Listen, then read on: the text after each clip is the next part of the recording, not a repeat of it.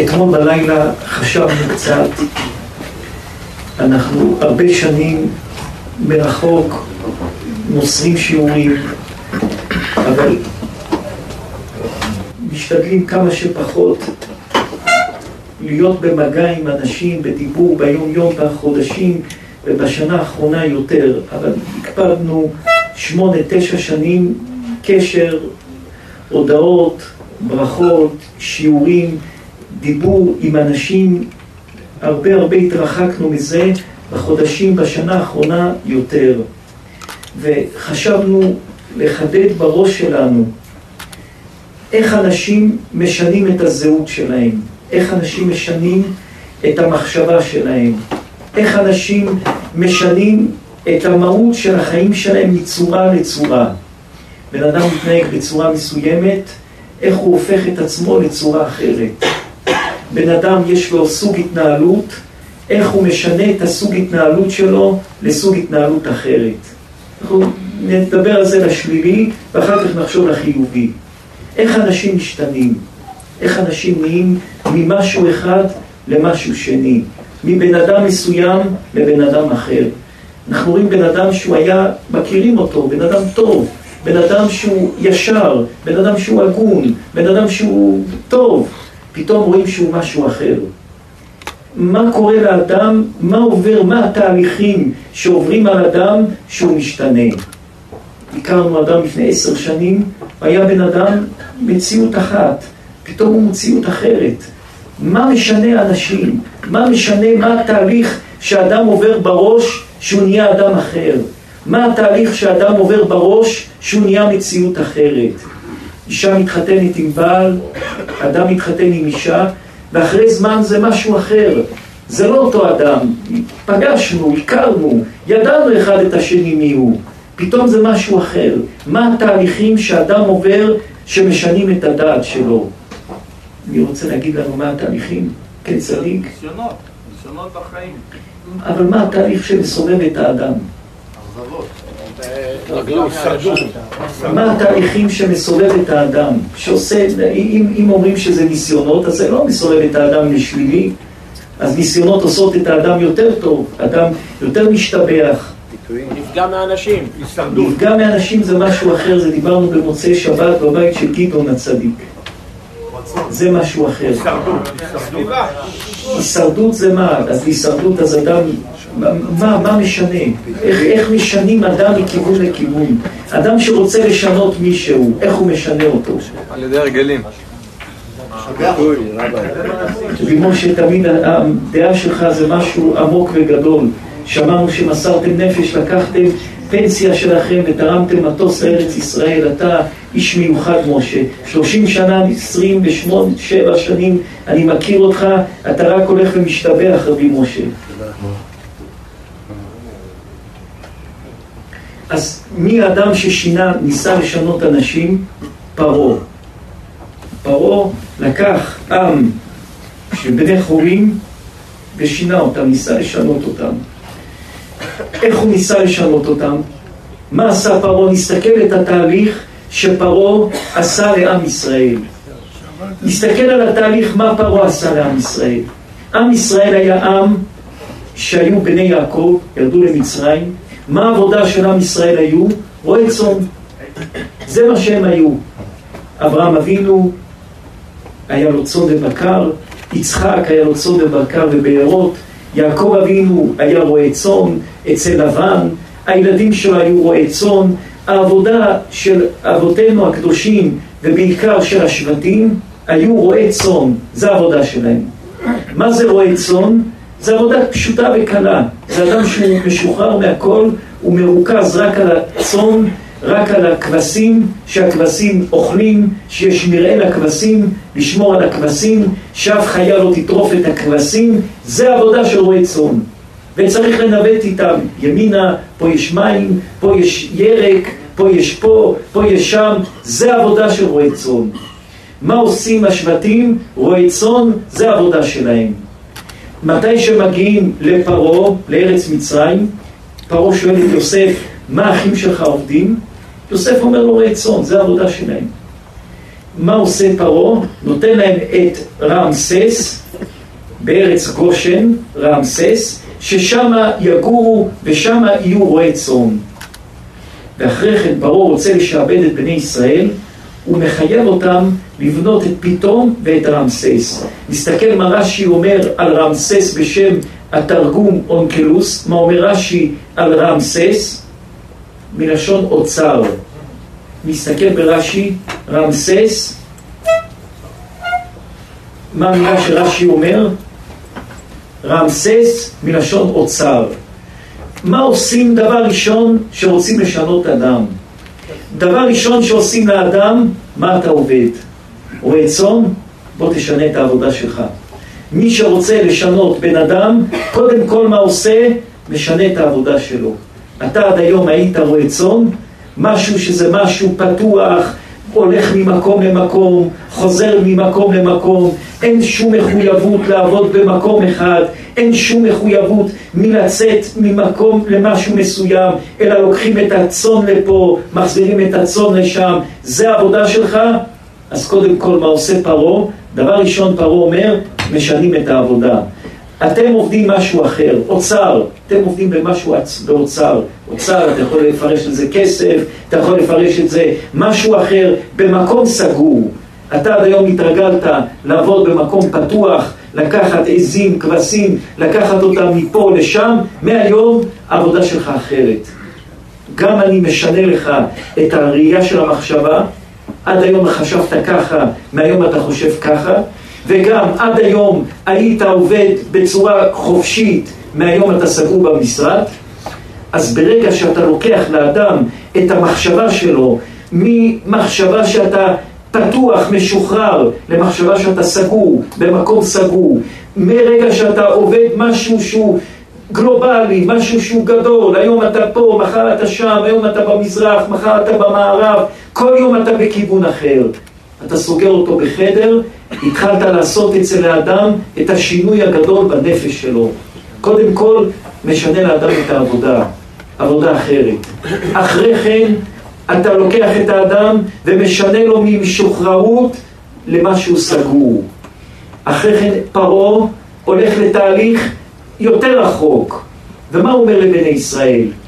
בבקשה, אני רוצה לבנות את פתאום ואת רמסס. כמה זמן בני ישראל היו במצרים? 210 שנים. מה הם בנו? רק שתי ערים, פתאום ורמסס. איך הם התחילו לבנות את פתאום ואת רמסס? פרעה התנהג בצורה צבועה ביותר. הוא בא לבני ישראל ואמר להם, זה משהו לאומי, צריכים לבנות שתי ערים מיוחדים מהר בארץ מצרים, ואני מוכן לשלם. מי שיבנה המון כל יום, על כל לבנה יקבל כך וכך כסף. מה עשו כל האנשים? כל עם ישראל מיד התחילו, אמרו מה, אם נבנה ביום אחד רק קיר אחד, נרוויח מאה אלף דולר. אם נבנה חמש קירות, נרוויח חמש מאות אלף דולר. אז לא נבנה קיר אחד, עבדו עבודת פרך ובנו חמש קירות. ופרעה היה רושם, בנית חמש קירות, קח חמש מאות אלף דולר. עוד פעם חמש קירות, עוד חמש מאות אלף דולר. אחרי חודש של חמש מאות, חמש מאות, חמש מאות, הוא אמר, הפסיק הכסף. מהיום, זה מה שאתה יכול לעשות, זה העבודה שתעבוד מהיום. אם כך, מה פרעה עשה בזה? עם ישראל היה עם פשוט, חולבים את הפמות, את החלב, גוזזים את הצאן, פתאום פרעה לקח את כל עם ישראל עם דמיונות ומחשבות של קבלנות, של רווח של כספים, שעובדים קשה ובונים קירות ובונים דברים גדולים ובונים דברים עצומים ומרוויחים כסף גדול ועושים דברים עצומים ועושים דברים שאפשר לשער ולתאר. ואז בני ישראל עוד שלב הולכים בהתנתקות מעצמם, בהתנתקות ממי שהם בעצמם. דבר ראשון פרעה עושה, פרעה לוקח את עם ישראל מרועי צאן להיות במקום סגור. דבר שני, מאנשים פתוחים שעושים מה שרוצים, לאנשים ממוקדים שלא עושים מה שרוצים, אלא סגורים באוצר, עצורים במקום. אחרי כן, מאנשים שרגילים להרוויח מהחלב שמוכרים, מה, מה, מה, מה, מה, מהצמר שגוזזים את הצאן, הוא לוקח אותם ועושה אותם קבלנים שמרוויחים המון כסף. תרוויחו הרבה כסף, תלכו ותרוויחו כמה שאתם רוצים כסף. הוא מכניס להם בתוך הראש את התאווה של להרוויח הרבה כסף. ואחרי כן פרעה כבר גורם לעם ישראל לאבד את הרגש, לחיות בלי רגש לכלום. ומאיפה הוא מאבד להם את הרגש שאין חיים ואין, לא אכפת מכלום? המיילדות, להרוג את הילדים, להרוג את הכל, מי שלא הורגים אותו, פעם היו שומעים מישהו מת, היו מזדעזעים, היום שומעים מישהו מת כואב, אבל זה דבר שהוא מתרגלים אליו. אז מה עושה פרעה לעם ישראל? הוא בונה תהליך לשנות את כל המהות של האדם. ומי שרוצה לשנות מהות של השני, איך הוא מתחיל? הוא מתחיל לשנות לו את העבודה דבר ראשון. הוא ממשיך לשים אותו בעבודה סגורה, סוגר לו את האופקים. היה לך אופקים גדולים, מצמצמים לאדם את האופקים, זה דבר שני. משנים לו את העבודה, מצמצמים לו את האופקים, אחרי שמצמצמים לו את האופקים, מכניסים אותו לדמיונות, תרוויח ותעשה ותרוויח ותעשה, ואדם נכנס למחשבות של רווח ועשייה, ויהיה לי ויהיה לי ויהיה לי, וזה ריק מתוכן. ואחרי שאדם גומר את כל המחשבות שיהיה לי ויהיה לי ויהיה לי, מתחילים לעשות לו אכזריות בלב, זה לא טוב וזה רע, ופה מישהו מת ופה משהו קשה, ואז האדם מאבד את הרחמנות של הלב שלו. ומתי שאדם איבד את הרחמנות של הלב שלו, הנה קיבלת בן אדם, יצירה חדשה, משהו אחר, לא משהו שהכרת.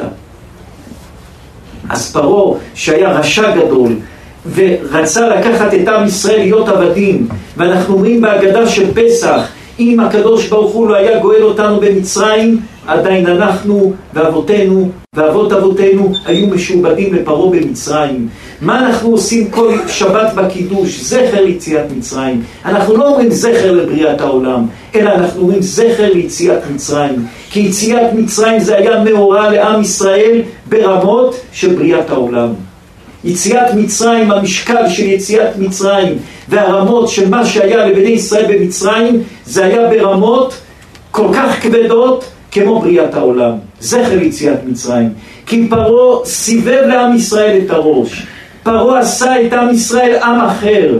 פרעה עשה את עם ישראל מציאות אחרת.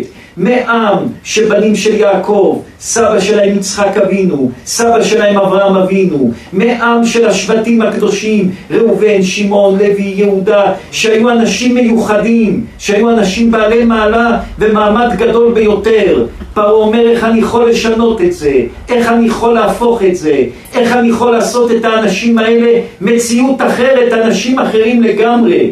איך אני עושה את זה? בשיטה הזאת. משנים עבודה, מסתכל כל אחד מאיתנו. על פי מה שהוא עובד, זה משפיע עליו. אחד עובד בנדל"ן, אז הוא משתדל להתלבש כמו אדם שעובד בנדל"ן. אחד עובד בהייטק, הוא משתדל להתלבש כמו שהוא עובד בהייטק.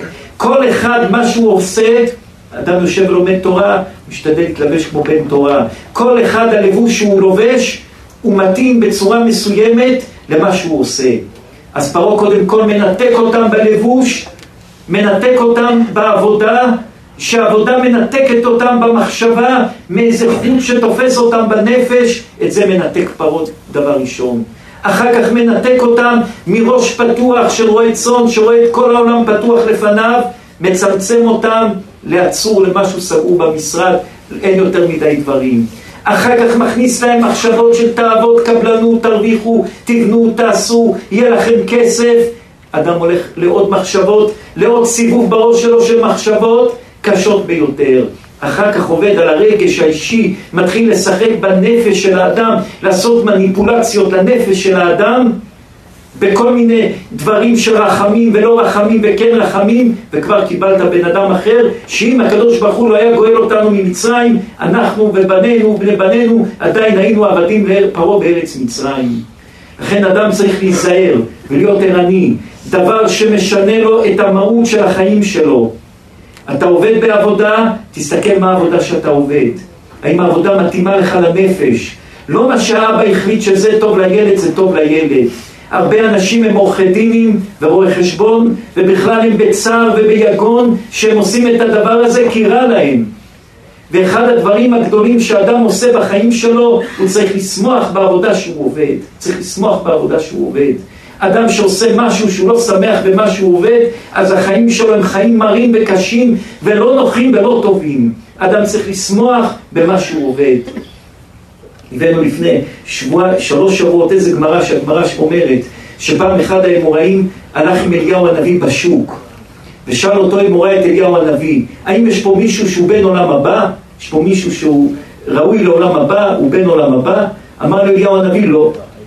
פתאום עובר אדם, רואים אדם שלבוש כגוי, נעליים בצבע אחר, אדומות, בגדים בצבע אחר, שנראה כמו גוי, שיער כמו גוי, אדם שנראה כמו גוי. מצביע אליהו הנביא לאותו אמורה ואומר לו, האיש הזה בן עולם הבא. קורא לו אליהו הנביא, ואותו אמורה שואלים אותו, מה אתה עובד? מה אתה עושה? אתה בן עולם הבא. אדם שהוא בן עולם הבא, מה אתה עובד? מה אתה עושה? אמר להם, אני לא יכול לגלות עכשיו, מחר אני אגיד לכם. למחרת פגשו אותו, קראו לו עוד פעם, שאלו אותו, מה אתה עושה? הוא אמר להם, אני סוער בבית הסוהר. אמר להם, עכשיו אני אגלה לכם.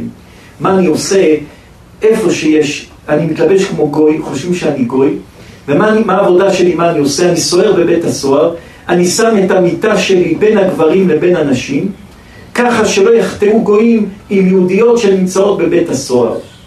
והוא ממשיך ואומר להם שפעם אחת הייתה נערה מאורסה, מאורסה בגמרא זה כמו אשת איש, שרצו לעשות איתה משהו לא טוב, הוא הלך ולקח יין ושפך על הבגד שלה שיראה כמו שהיא נידה וככה לא יעשו לה כלום.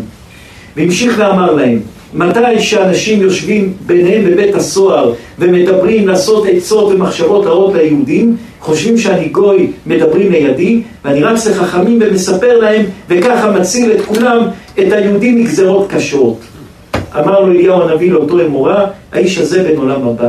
שאל אותו אותו אמורה, האם אתה רואה עוד מישהו פה בעיר שהוא בן עולם הבא? אמר לו עוד לא. פתאום עברו שתי אנשים שהעבודה שלהם הייתה בתכנים, מספרים בדיחות ומצחיקים אנשים, ואמר לאליהו הנביא, אלה בני עולם הבא. קרא להם אותו אמורה ושאל אותם, מה אתם עושים? אמרו לו, אנחנו מצחיקים את כולם, ומתי שאנחנו שומעים שיש מישהו שרב עם מישהו, אנחנו לא מוותרים, הולכים לאותו מקום, רבים, מתווכחים, הופכים את העולם עד שעושים שלום. אז אנחנו רואים שתי סיפורים, שתי אנשים בני עולם הבא, לא תלמידי חכמים, לא צדיקים, לא גאונים, לא מקובלים, לא קדושי עליון, כלום. אנשים שלקחו את העבודה שהם עובדים וקידשו אותה להיות קרדום, לחפור בו למצוות ולמעשים טובים. בן אדם סוער בבית סוהר, יכול להיות סוער לקחת פרנסה וללכת, אבל הוא לקח את העבודה שלו בבית האסורים להציל בין גברים לנשים יהודים שלא יחטאו עם יהודיות. שם את המיטה שלו בין הגברים לבין הנשים. נמצא בבית סוהר, שומר אישה יהודייה נשואה שלא יחללו אותה, מציל אותה. נמצא בבית סוהר, שומע אם מדברים משהו רע לעשות ליהודים, הולך ואומר לחכמים להציל אותם. את העבודה שלו הוא מקדש אותה, והוא נהיה בן עולם הבא. מה זה בן עולם הבא? יש לו עולם הבא. לא למד תורה, לא למד גמרא, לא למד משנה, לא הלך לשיעור תורה, אלא עולם הבא, הוא ראה את עולם הבא בעולם הזה כי הוא שמח במה שהוא עושה. הוא עובד עבודה שהוא מקדש אותה, הוא עושה את העבודה שלו למען הכלל מקודשת, גם שהוא מרוויח מזה כסף והוא סוער בבית הסוהר, אבל הוא עושה בזה משהו טוב והוא מרים את זה ועושה את זה משהו מרומם ומשהו מיוחד. והאנשים השניים הם בתכנים, הם לא רבנים, הם לא נותנים שיעורים, לא עבר שם איזה רב שנותן דרשות שהולכים אלפים לשיעורים שלו, לא, הוא לא אמר שהוא בן עולם הבא, אלה שתי אנשים שמצחיקים אנשים ורצים לעשות שלום בין אנשים, הם בני עולם הבא. אדם שלוקח את העבודה הפשוטה שלו, אתה נגר בנגרות, עושה את זה משהו עם מצוות, אתה חשמלאי, משהו שאתה שמח בו, אתה עושה את הדבר שאתה עושה אותו עם שמחה בלב, אתה עושה אותו עם נחת בלב, אתה עושה אותו שיהיה חלק ממשהו קדוש לבנות עולם טוב, עולם יותר מתוקן, עולם יותר מסודר. זה אדם בן עולם הבא. יש אדם שיושב בישיבה ולומד תורה, ואנחנו לא יודעים אם הוא בן עולם הבא. הוא עסוק במחלוקת, ברכילות, בלשון הרע, אנחנו לא יודעים אם הוא בן עולם הבא. יש אדם שהוא בסך הכל בתחן, אבל הוא עושה את זה בשמחה ומשלים עם אנשים, בן עולם הבא. יש אדם שהוא בסך הכל סוער, אבל הוא עושה את זה בשלמות ודואג במה שהוא יכול לאנשים, בן עולם הבא. אדם יכול במה שהוא עושה לקחת ולזכות לעולמות שאי אפשר להבין מה הוא עושה.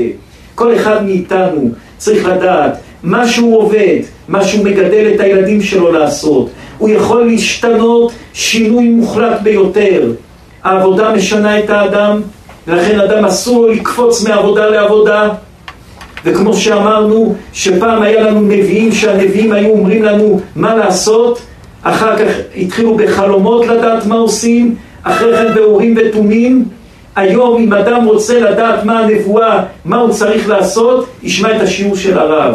אז אחד מהיסודות שצריך היום ללמוד, אל תקפוץ בעבודה ממקום למקום. אתה עובד במשהו, תישאר לעבוד במה שאתה עובד, תנסה עד הסוף. תנסה לעבוד במה שאתה עושה, תנסה לעשות במה שאתה עובד בכל הכוח שלך עד הסוף. אל תקפוץ מדבר לדבר. אדם שקופץ מדבר לדבר, בסוף הוא מאבד את כל עולמו. רק אם זה דבר שבטוח אתה סיימת אותו ואתה צריך לשנות את המקום ולשנות את המזל ולשנות את הדברים מקצה לקצה, תקום ותעשה. לא כי ברגע אחד משהו לא מסתדר לך אתה קופץ ועושה משהו אחר, אלא תשב במקום ותמשיך לעבוד שהפרנסה בידי הקדוש ברוך הוא ואם לא הצלחת היום תצליח מחר. ואם העולם משתנה תשתנה עם העולם במה שצריך. אבל אל תקפוץ מדבר לדבר. תהיה מרוכז וממוקד במה שאתה צריך לעשות. זה יסוד ראשון. יסוד שני, אל תשנה את ההשקפה של החיים שלך. אם אתה בהשקפה של עולם פתוח, אל תסגור פתאום, אל תעצור את עצמך.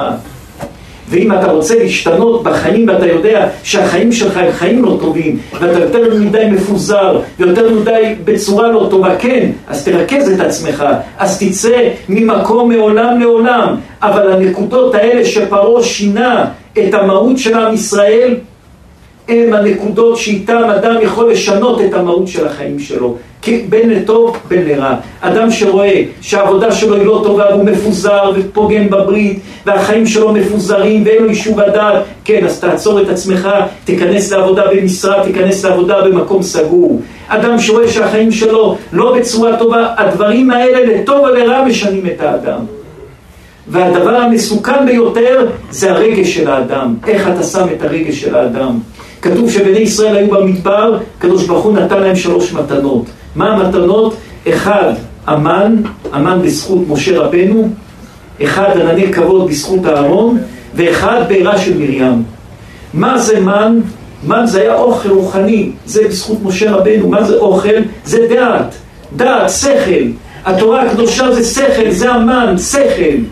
ענני כבוד זה מה שעוטף אותנו, זה אהרון. אהרון היה ענני כבוד, הוא היה הלב, ענני כבוד, אהרון היה מקרב את הלבבות של האנשים, זה הלב.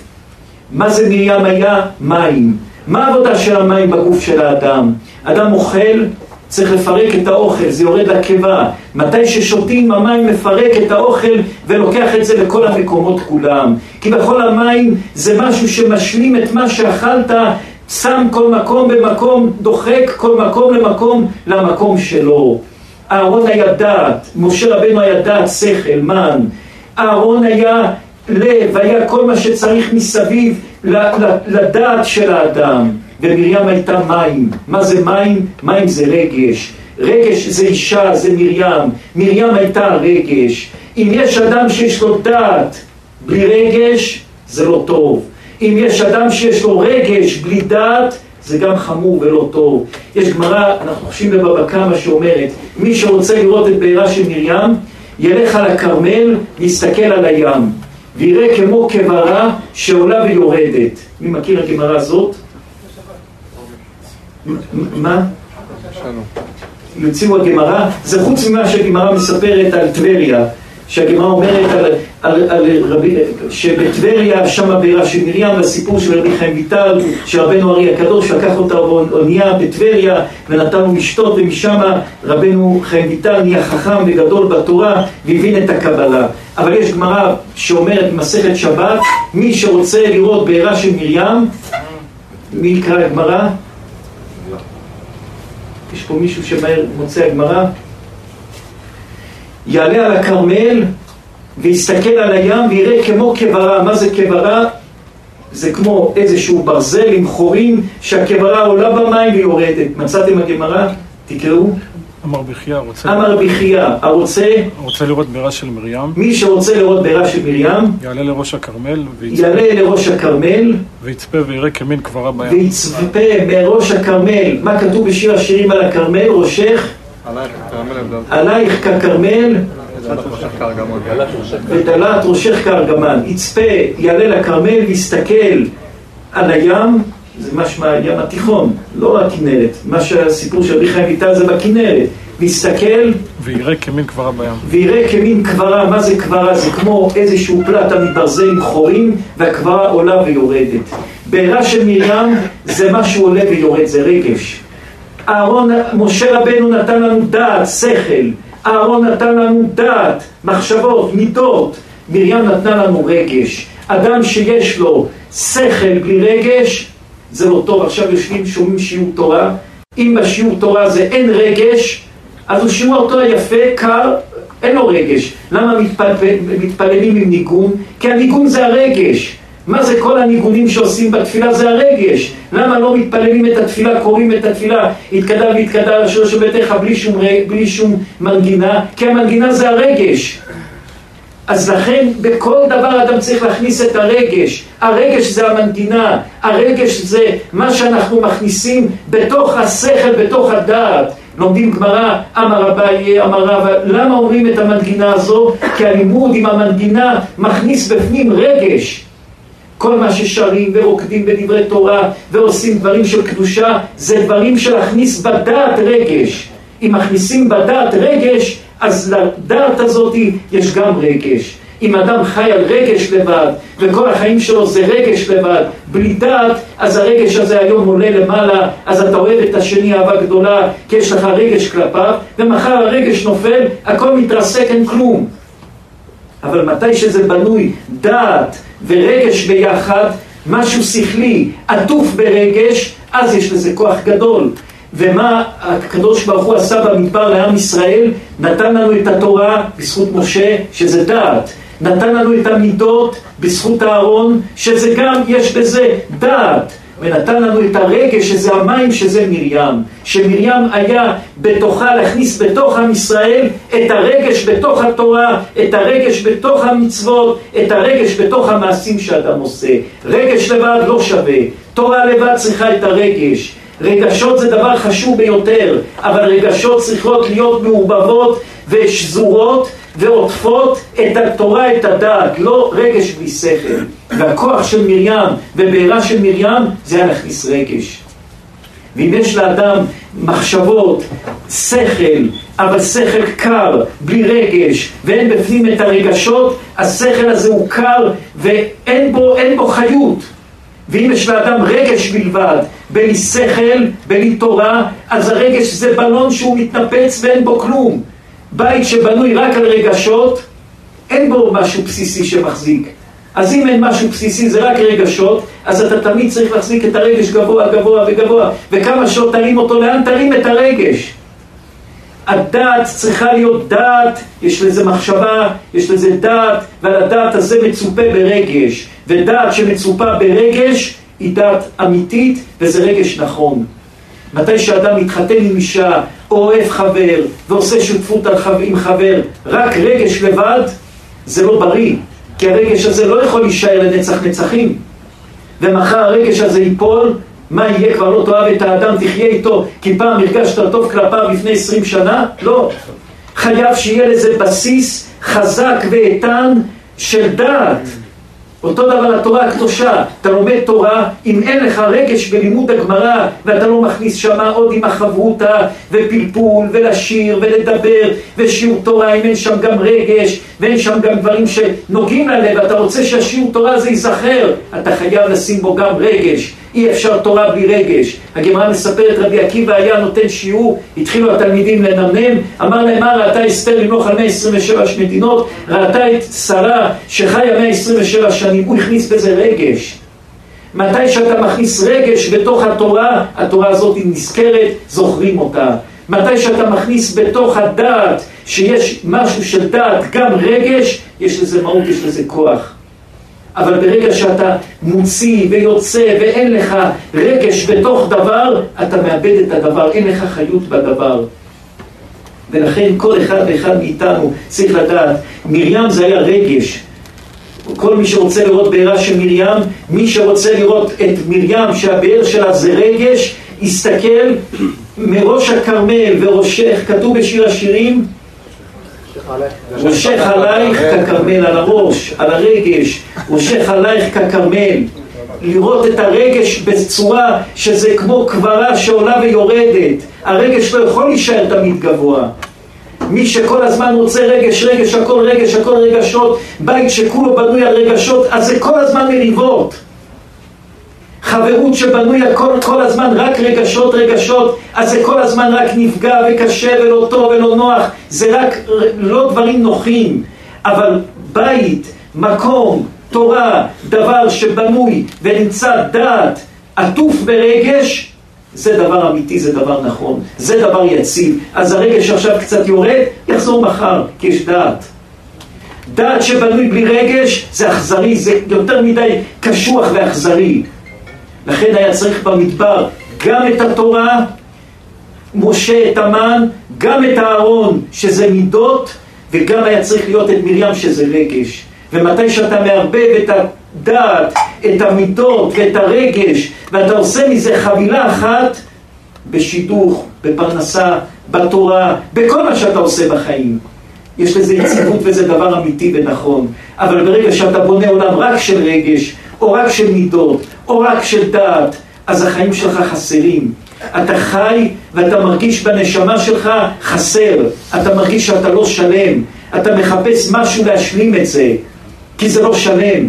בית שהארבע, שלוש צלעות האלה לא יציבות, אז אדם מחפש שלמות במקום אחר. אדם אין לו מספיק דעת, אדם אין לו מספיק רגש, אדם אין לו מספיק מידות טובות, זה מפריע לו. וגם ילדים שאתה מחנך את הילדים, אתה צריך שלילדים יהיה גם דעת, גם אהרון, גם מידות וגם רגש. השלוש דברים האלה הם בסיסיים ויסודיים לכל דבר שאדם עושה בחיים. אם כך, נחזור ונסדר את הדברים בדעת שלנו שנזכור טוב. התחלנו בשינוי, איך אדם יכול להשתנות, לטוב ולרע. עבודה, יש לעבודה משקל כבד ביותר בחיים של האדם. עבודה, מי נמצא איתך בעבודה, מי החברים שלך בעבודה, עם מי אתה עוסק בעבודה, עם מי אתה מדבר בעבודה. פרעה דבר ראשון מה עשה? ניתק אותם מהעבודה שלהם. הוא ידע כל עוד שהם קשורים לעבודה, הם קשורים למשהו שמחיה אותם ומזין אותם נפשית, והנפש שלהם ניזונת רגע רגע מהעבודה שהם עובדים. אז פרעה קודם כל ניתק אותם, רואה צאן, עצרו בואו תעבודו במקום עצור סגור. דבר שני שמשפיע על האדם, השפעה חזקה ביותר, שאדם מתחיל לחשוב דמיונות של דברים שהם לא קיימים אצלו. דמיונות שהם לא קיימים, אתה מוציא את האדם מהריכוז, מהמחשבה, שזה החיים שלו וזה המהות של החיים שלו. ואם אתה מוציא את האדם מהמהות ומהריכוז של החיים שלו, אתה מאבד אותו, אתה מאבד לו את הריכוז. ואחר כך אתה מתחיל לגוע לו ברגש, לזרוק את הילדים ליאור, יהודי צריך להלשין על יהודי, יהודי צריך לפגוע ביהודי, אז כבר אדם מאבד גם את הרגש, ואז גם אנחנו, גם הבנים שלנו, גם הנכדים שלנו, לא היינו נגלים ממצרים כי איבדנו את הבסיס הזה. וגם לטוב, אתה רוצה לשנות אדם לטובה, תשנה לו את העבודה. תשנה לו את ה... אם הוא היה במקום פתוח מדי, קח אותו למקום סגור. אם הוא היה במקום סגור והוא נפל לדכדוך ולעצבות ולייאוש ולמקום לא טוב, קח אותו למקום פתוח, תפתח לו את החיים. היה במצב שיש לו משהו לא טוב, בלי מחשבות, בלי תקווה, יש מחלוקת גדולה בחסידות. מה המידה היותר קשה? מה המידה הכי חמורה בעולם? אז שתי מידות הגיעו לגמר של הריב, עצבות וגאווה. שתי המידות האלה הגיעו לגמר, לגמר, הם טיפסו על כל המידות, עצבות וגאווה. ובסוף מי ניצח? הגאווה. שגם אם אתה עצוב, למה אתה עצוב? כי לא הסתפקת בגאווה שרצית שיהיה לך. גאווה זה המידה הקשה ביותר, יותר מכל המידות. אם מחפשים מה המידה מספר אחד רעה בעולם, מה ההרס של האדם בחיים? גאווה. אדם בא למקום, לא כיבדו אותי, כן כיבדו אותי, נתנו לי, לא נתנו לי, כמה נתנו לי, ענו לי, לא ענו לי, איך ענו לי, מה ענו לי, המידה הקשה ביותר גאווה. התולדה של הסגן של הגאווה זה עצבות. אז אחרי שאדם אומר, פגעו לי בכבוד שלי, אני ואני ואני, אז אדם נופל לעצמות ועושה גם דברים של עצמות. אבל המידה שניצחה בכל המדדים של הרוע, זה גאווה. אחר כך עצמות ואחר כך הכל ביחד. אבל הגאווה היא המידה הקשה ביותר. אז מתי שבן אדם נפגע לו הגאווה שלו, הוא מסוגל לעשות דברים חמורים ביותר. יש דברים רעים שאדם יכול לעשות ממשפחת הגאווה, ויש דברים שאדם יכול לעשות ממשפחת העצבות, ויש דברים שאדם יכול לעשות ממשפחת הייאוש, וכל אחד לאיפה שהדברים לוקחים אותו. אבל אדם, אחרי שאתה סוגר את הדברים האלה בנפש שלך, ואתה נזהר שמה שאתה עובד, אתה עושה אותו בשמחה כל עבודה שאתה עושה, מבן עולם הבא. אדם שלוקח את העבודה שלו ועושה אותה עולם הבא, עולמך תראה, תראה בחייך. אתה חשמלאי, אז החשמלות, העבודה של החשמלאי, אתה עושה אותה בחיים שלך, אתה שמח בה. אתה נגר, אתה חי את העבודה שלך, אתה שמח בעבודה שלך, אתה רואה בעבודה שלך שליחות, שמחה, מסירות, אתה קם בשמחה ועושה את זה. והרגשות, אתה רואה אותם משהו, שהרגש זה משהו שהוא חובה וצריך להיות אבל בצורה בריאה. אמרנו רוב העולם שאומרים לקחתי ללב זה בכלל לא הלב. יש בראש של האדם כמו בלוטה שמשחררת לאדם חומרים לגוף ואדם מרגיש כמו הלב.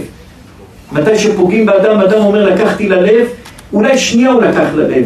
זה עובר לראש ואיזה בלוטה נותנת הרגשה לכל הגוף כמו שיש לו כאב לב, וזה בכלל לא קשור ללב.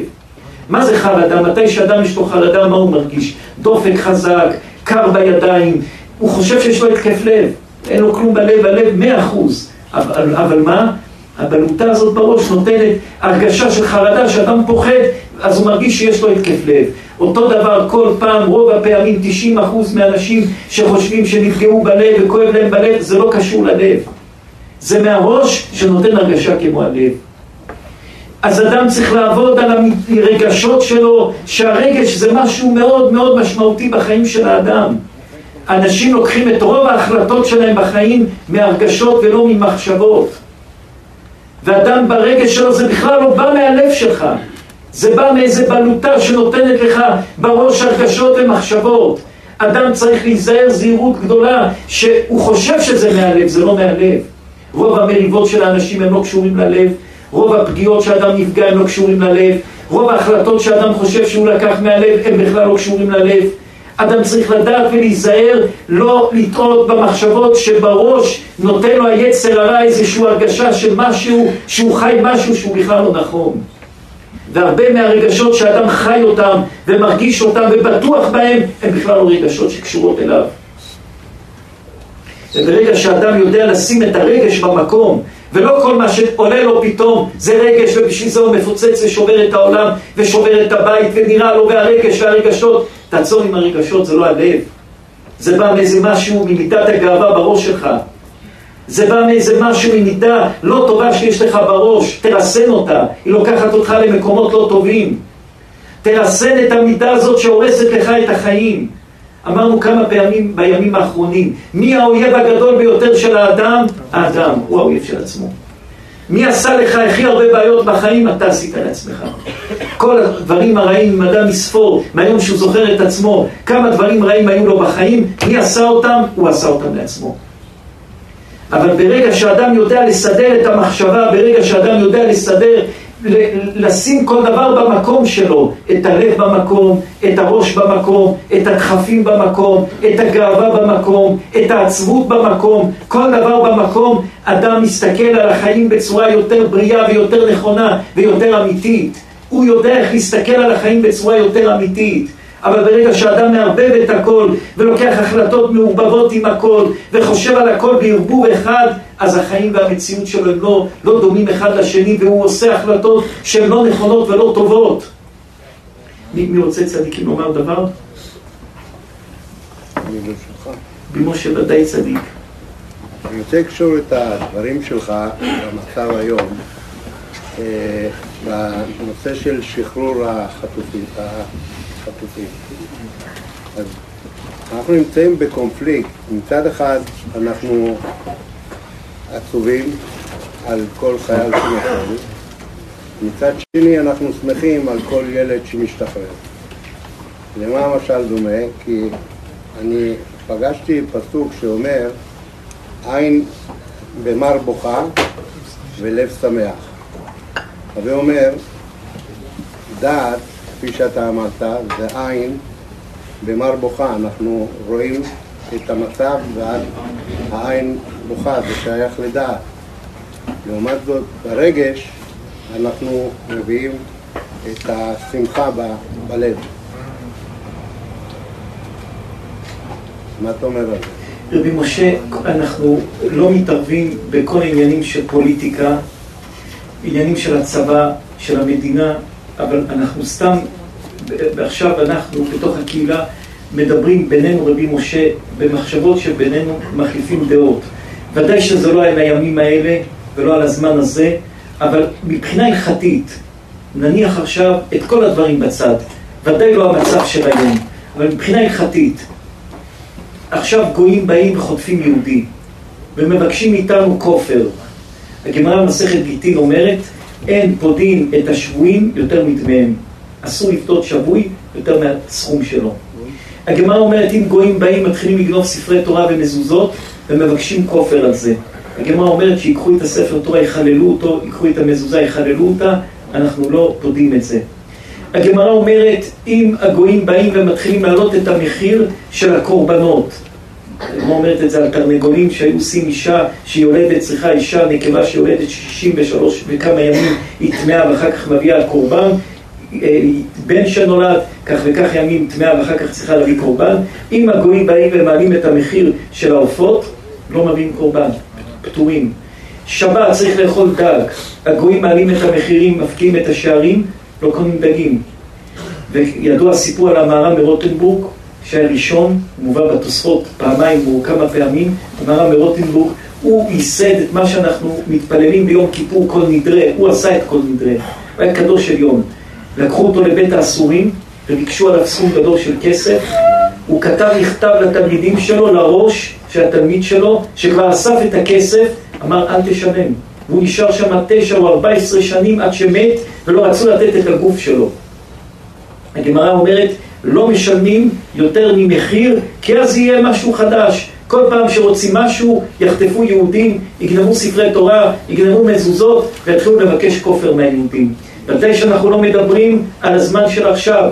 אנחנו עברנו פרעות בפרוע פרעות בישראל, פרעות שלא היו, תדעו, מה שקרה בשמחת תורה, עם ישראל לעולם לא יחזור למה שהיה לפני כן.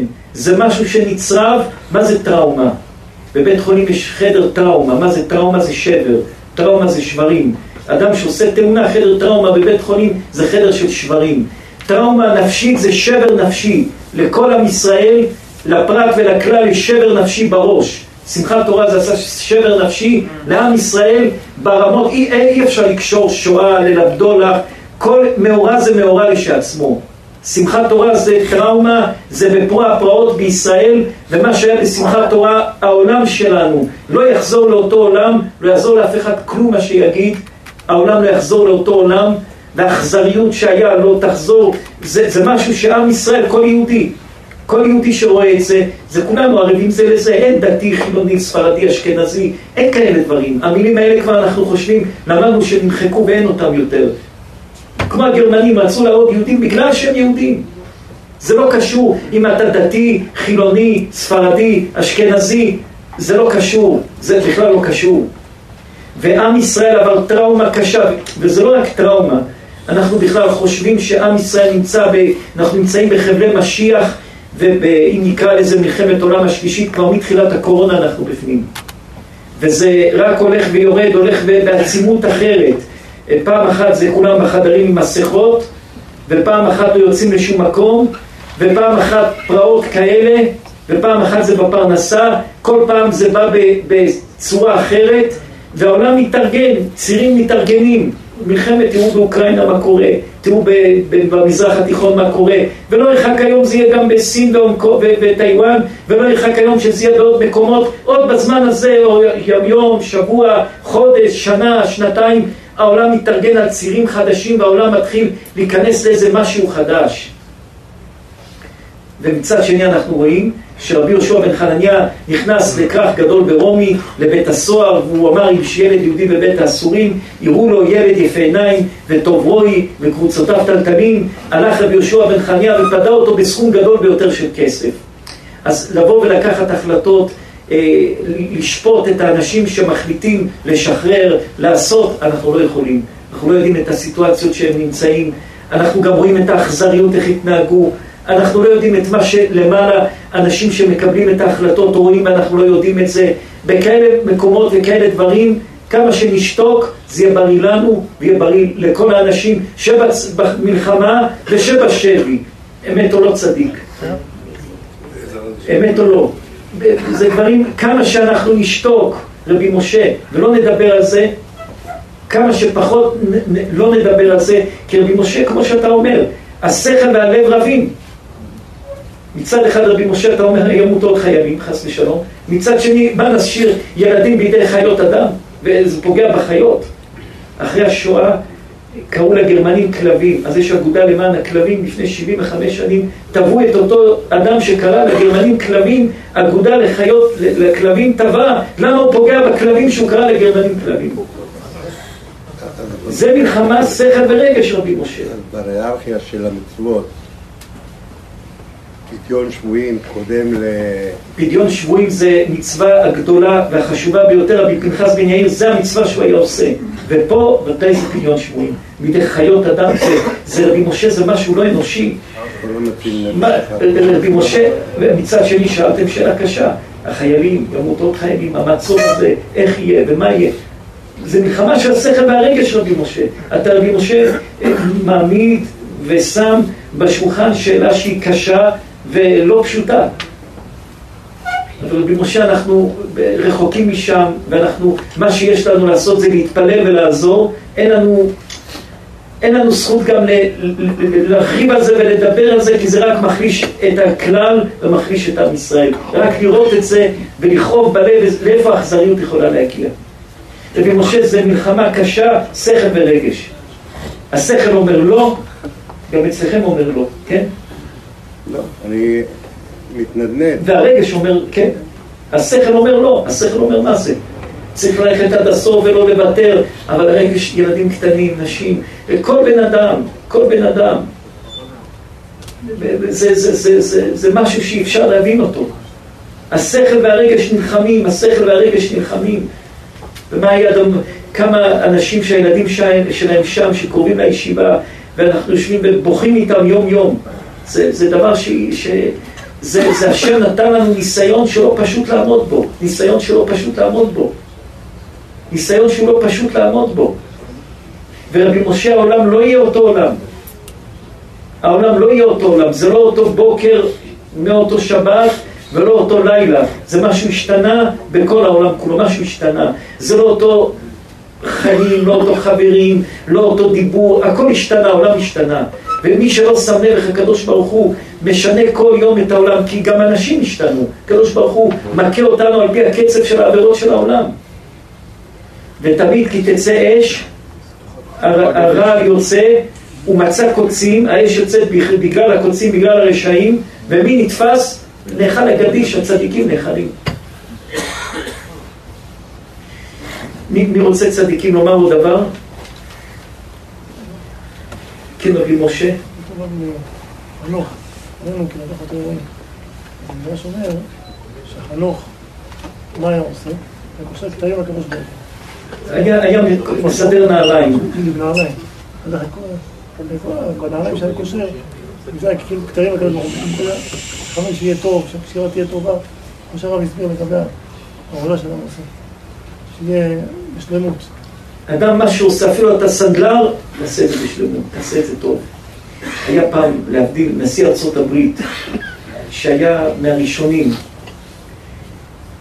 שאבא שלו היה סנדלר, ולפני 200 וכמה שנים, איך שהוא נבחר, קיבלו אותו בקונגרס בשמחה גדולה, וקם אחד האנשים האריסטוקרטים החשובים, כאב לו, אמר, אבא שלו היה סנדלר, מה, מה, מה, איך, איך הוא הגיע לזה? אז כולם ישבו מתי שהשביעו אותו, ואותו אדם עמד ואמר לו, אה, סליחה הנשיא, איך שהוא נבחר, אבא שלך סידר לי את הנעליים, היה סנדלר שלי, אתה יודע? הנשיא עצר, לא כעס, לא רב, והתחיל לתת נאום על זה ואמר, כל מה שהגעתי להיות נשיא, כי למדתי מאבא שלי, שאבא שלי, כל מה שהוא עשה, הוא היה עושה מושלם. ואפילו הסנדלרות, הנעליים שהוא היה מתקן, הוא היה עושה את זה כל כך בשלמות, שממנו למדתי הכל לעשות בשלמות והגעתי להיות נשיא של אמריקה. אדם, אדם, מה שעושה צריך לעשות את זה בשלמות גדולה, גדולה, כמו שדיברנו פה פעם שעבר על רבי עקיבא, שרבי עקיבא היה צנוע ומעי והיה עושה את הכל בעליונות גדולה, בלי שום טעות, הכל היה מושלם אצל רבי עקיבא, הכל היה מושלם לתכלית. מי, מי רוצה צדיקים לומר עוד דבר? כן, צדיק. ברוך הבא.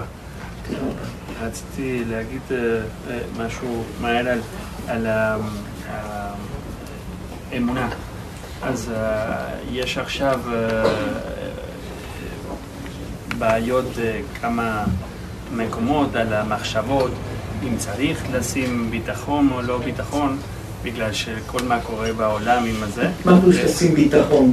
ביטחון על, על, על, צריך לשים כאילו אה, שוטרים ודברים כאלה. כתוב, שופטים ושוטרים תשים לך בכל שעריך, בכל דרך צריך לשים שוטר. נכון. אם אפשר למנוע בעיות, אפשר למנוע דברים לא טובים, אז כבודו ישאל שאלה אחרת. אם שמים שוטר בבית כנסת, האם זה גם נקרא צדקה? נשאל את זה בצורה חכמה, בצורה יהודית. אבל לא נשאל את זה מאמונה, נשאל את זה מצדקה. אז לא, לא יורדת האמונה? קומפרנדה?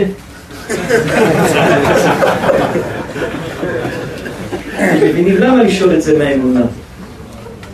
נניח את האמונה בצד, תמיד תהיה עם השם אלוקיך, נשאר עם אמונה תמימה, נשאל את זה מכסף.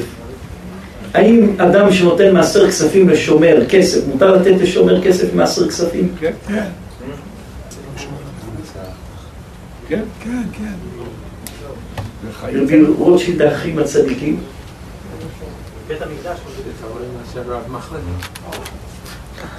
אנחנו חושבים שכן, ודאי שכן. זה, זה, אז, אז אם כן, אפשר, זה יוצ, יוצאים בזה ידי חובה של, של, של צדקה, מעשר כספים, אז כן, צריך לשים. מקום שצריכים לשים, כן. כן. יותר טוב שישימו וזה ילך לזה ולא ילך לדברים אחרים. צריך שמירה, וזה מה שיש, זה, זה מה שנכתב עלינו, וזה מה שהעולם נמצא עכשיו. העולם נמצא בזמן שלא פשוט. אמר לנו ב- לפני שבוע ימים, עשרה ימים, היה אצלנו אחד מהאנשים ש... הכי חשובים בארץ ישראל שכותבים בכל העיתונים וכל הדברים.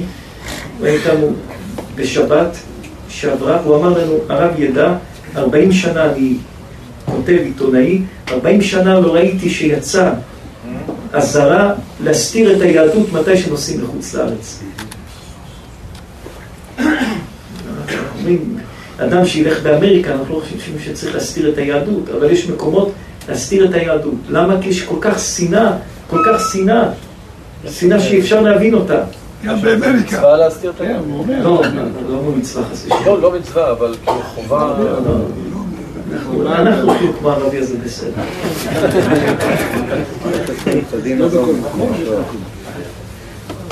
מי רוצה, כן צדיק? אני רוצה להגיד משהו אחרי שהחבר שלי פינטו אמר משהו, השם משפחה שלו זה פינטו. פינטו. פינטו, או, אתם, משפחה של בן. כן, כן. אדוארדו. אלברטו, אלברטו. אלברטו. אלברטו, אלברטו. השם ישמור אתכם ואת בן הצדיק ואת אשתו ואת כל המשפחה, משפחה רמה, אנשים מיוחדים, טובים מאוד, טובים מאוד. השם ישמור אתכם, בן זכר, בן זכר. כן צדיקים. בהשגחה פרטית, אה, אתה דיברת על שינויים, ומאז שלפני כמה שבועות אמרת לי כמה מילים, באתי הביתה, נסעתי עם רבי דניאל שיחיה, וכל הלילה נשארתי ער, ראיתי את השיעור עוד פעם, ורק מה שאמרת לי איזה עשרים פעם, ויקץ יעקב משנתו, ויראה אכן יש השם במקום הזה, ואנוכי לא ידעתי, קמתי מהשינה, עברו עליי הרבה דברים, ושיניתי הרבה דברים, וגם ראיתי שבהשגחה פרטית התעמקתי על חנה שרה אליהו, זה גימטריה כתר, ופינטו, פינטו, פינטו זה גם כתר, ארבע פעמים פינטו זה כתר. והתחלת את השיעור עם אה, רבי אבי שהוא עטרת וכתר. אז. וגם דיברת על אהרון, עכשיו, עכשיו צדיקים נלמד איך, איך מתנהלים בבית, איך אדם מתנהל בבית איך צריך, אימא. איך צריך, לח... איך אימא ומשפחה צריכים להתנהג בבית. יש גמרא במסכת, הגמרא במסכת כתובות, דף ס"ב עמוד ב'. הגמרא מספרת ואומרת, הגמרא מביאה כמה סיפורים על כמה אמור תנאים, איך הם התנהלו ואיך הם הלכו לישיבה ללמוד תורה. אז אחד מהסיפורים שאמרנו, בחנניה בן חכינאי, רבי חנניה בן חכינאי, אבק הרזיל ורב. בשילה הילולה דרבי שמעון בן יוחנן. אותו רבי חנניה בן חכינאי היה בהילולה של רבי שמעון בר יוחאי. היה רבי שמעון בר יוחאי, כולם שמחים ורוממים, אמרתם כל אחד, רבי שמעון בר יוחאי, בהילולה של רבי שמעון בר יוחאי, רבי שמעון, רבי, רבי חנה בן חכינאי היה שמה, ומתי שהוא חזר מההילולה, החליט ללכת לישיבה ללמוד תורה. הוא היה כולו בדבקות, באורות גדולים, הוא החליט ללכת לישיבה ללמוד תורה. הלך לישיבה, אמר שתי... לי, אמר לי, ירכב לי, עד דעתי בעדך. הנה, שאני אבוא איתך. כן, לא ירכב לי, הוא חיכה לו. עזר יתיב תראה, עשרה, שני. הלך לישיבה 12 שנים, ישב בישיבה, למד תורה, לא חזר לבית שלו, לא כלום, 12 שנים. שבוע שעבר דיברנו, פעם שעברה שהיינו פה דיברנו על רבי עקיבא שהלך לישיבה 12 שנים ולא ראה את אשתו. פה הגמרא מספרת על עוד אמורה שבא מההילולה של רבי שמעון בר יוחאי ומהאווירה של רבי שמעון בר יוחאי, שרבי שמעון בר יוחאי היה תלמיד של רבי עקיבא והיה במערה 12 שנים, לא הלך לבית שלו 12 שנים, ישב בישיבה ולמד תורה 12 שנים בלי לראות את אשתו, בלי לראות את הילדים, בלי לראות כלום, היה בישיבה 12 שנים. עד דעתי, השתנו שבילי דמטה. ולא ידע למי זה לבטו. מתי שהוא חזר, הוא לא ידע איפה הבית שלו גר, עבר 12 שנים, בנו בניינים, עשו כבישים אחרים. מתי שאדם לא היה במקום 12 שנים, המקום התפתח, בניינים חדשים, קשרים חדשים, רחובות חדשים, חנויות חדשים, הוא חוזר אחרי 12 שנים, והכל אחרת, הוא לא ידע איך להגיע לבית שלו. עמד ליד הנהר, דנהרה. ושמע שמה איזה ילדה, ילדות משחקות וילדות מדברות, ושמע איזה ילדה צועקים לה ואומרים לה, בת חכינאי, את הבת של חכינאי? הוא אמר, אה, זה הבת שלי, אני אלך אחריה. הלך אחרי הילדה הזאתי, נכנסה לבית, ואיך שנכנסה לבית, אשתו.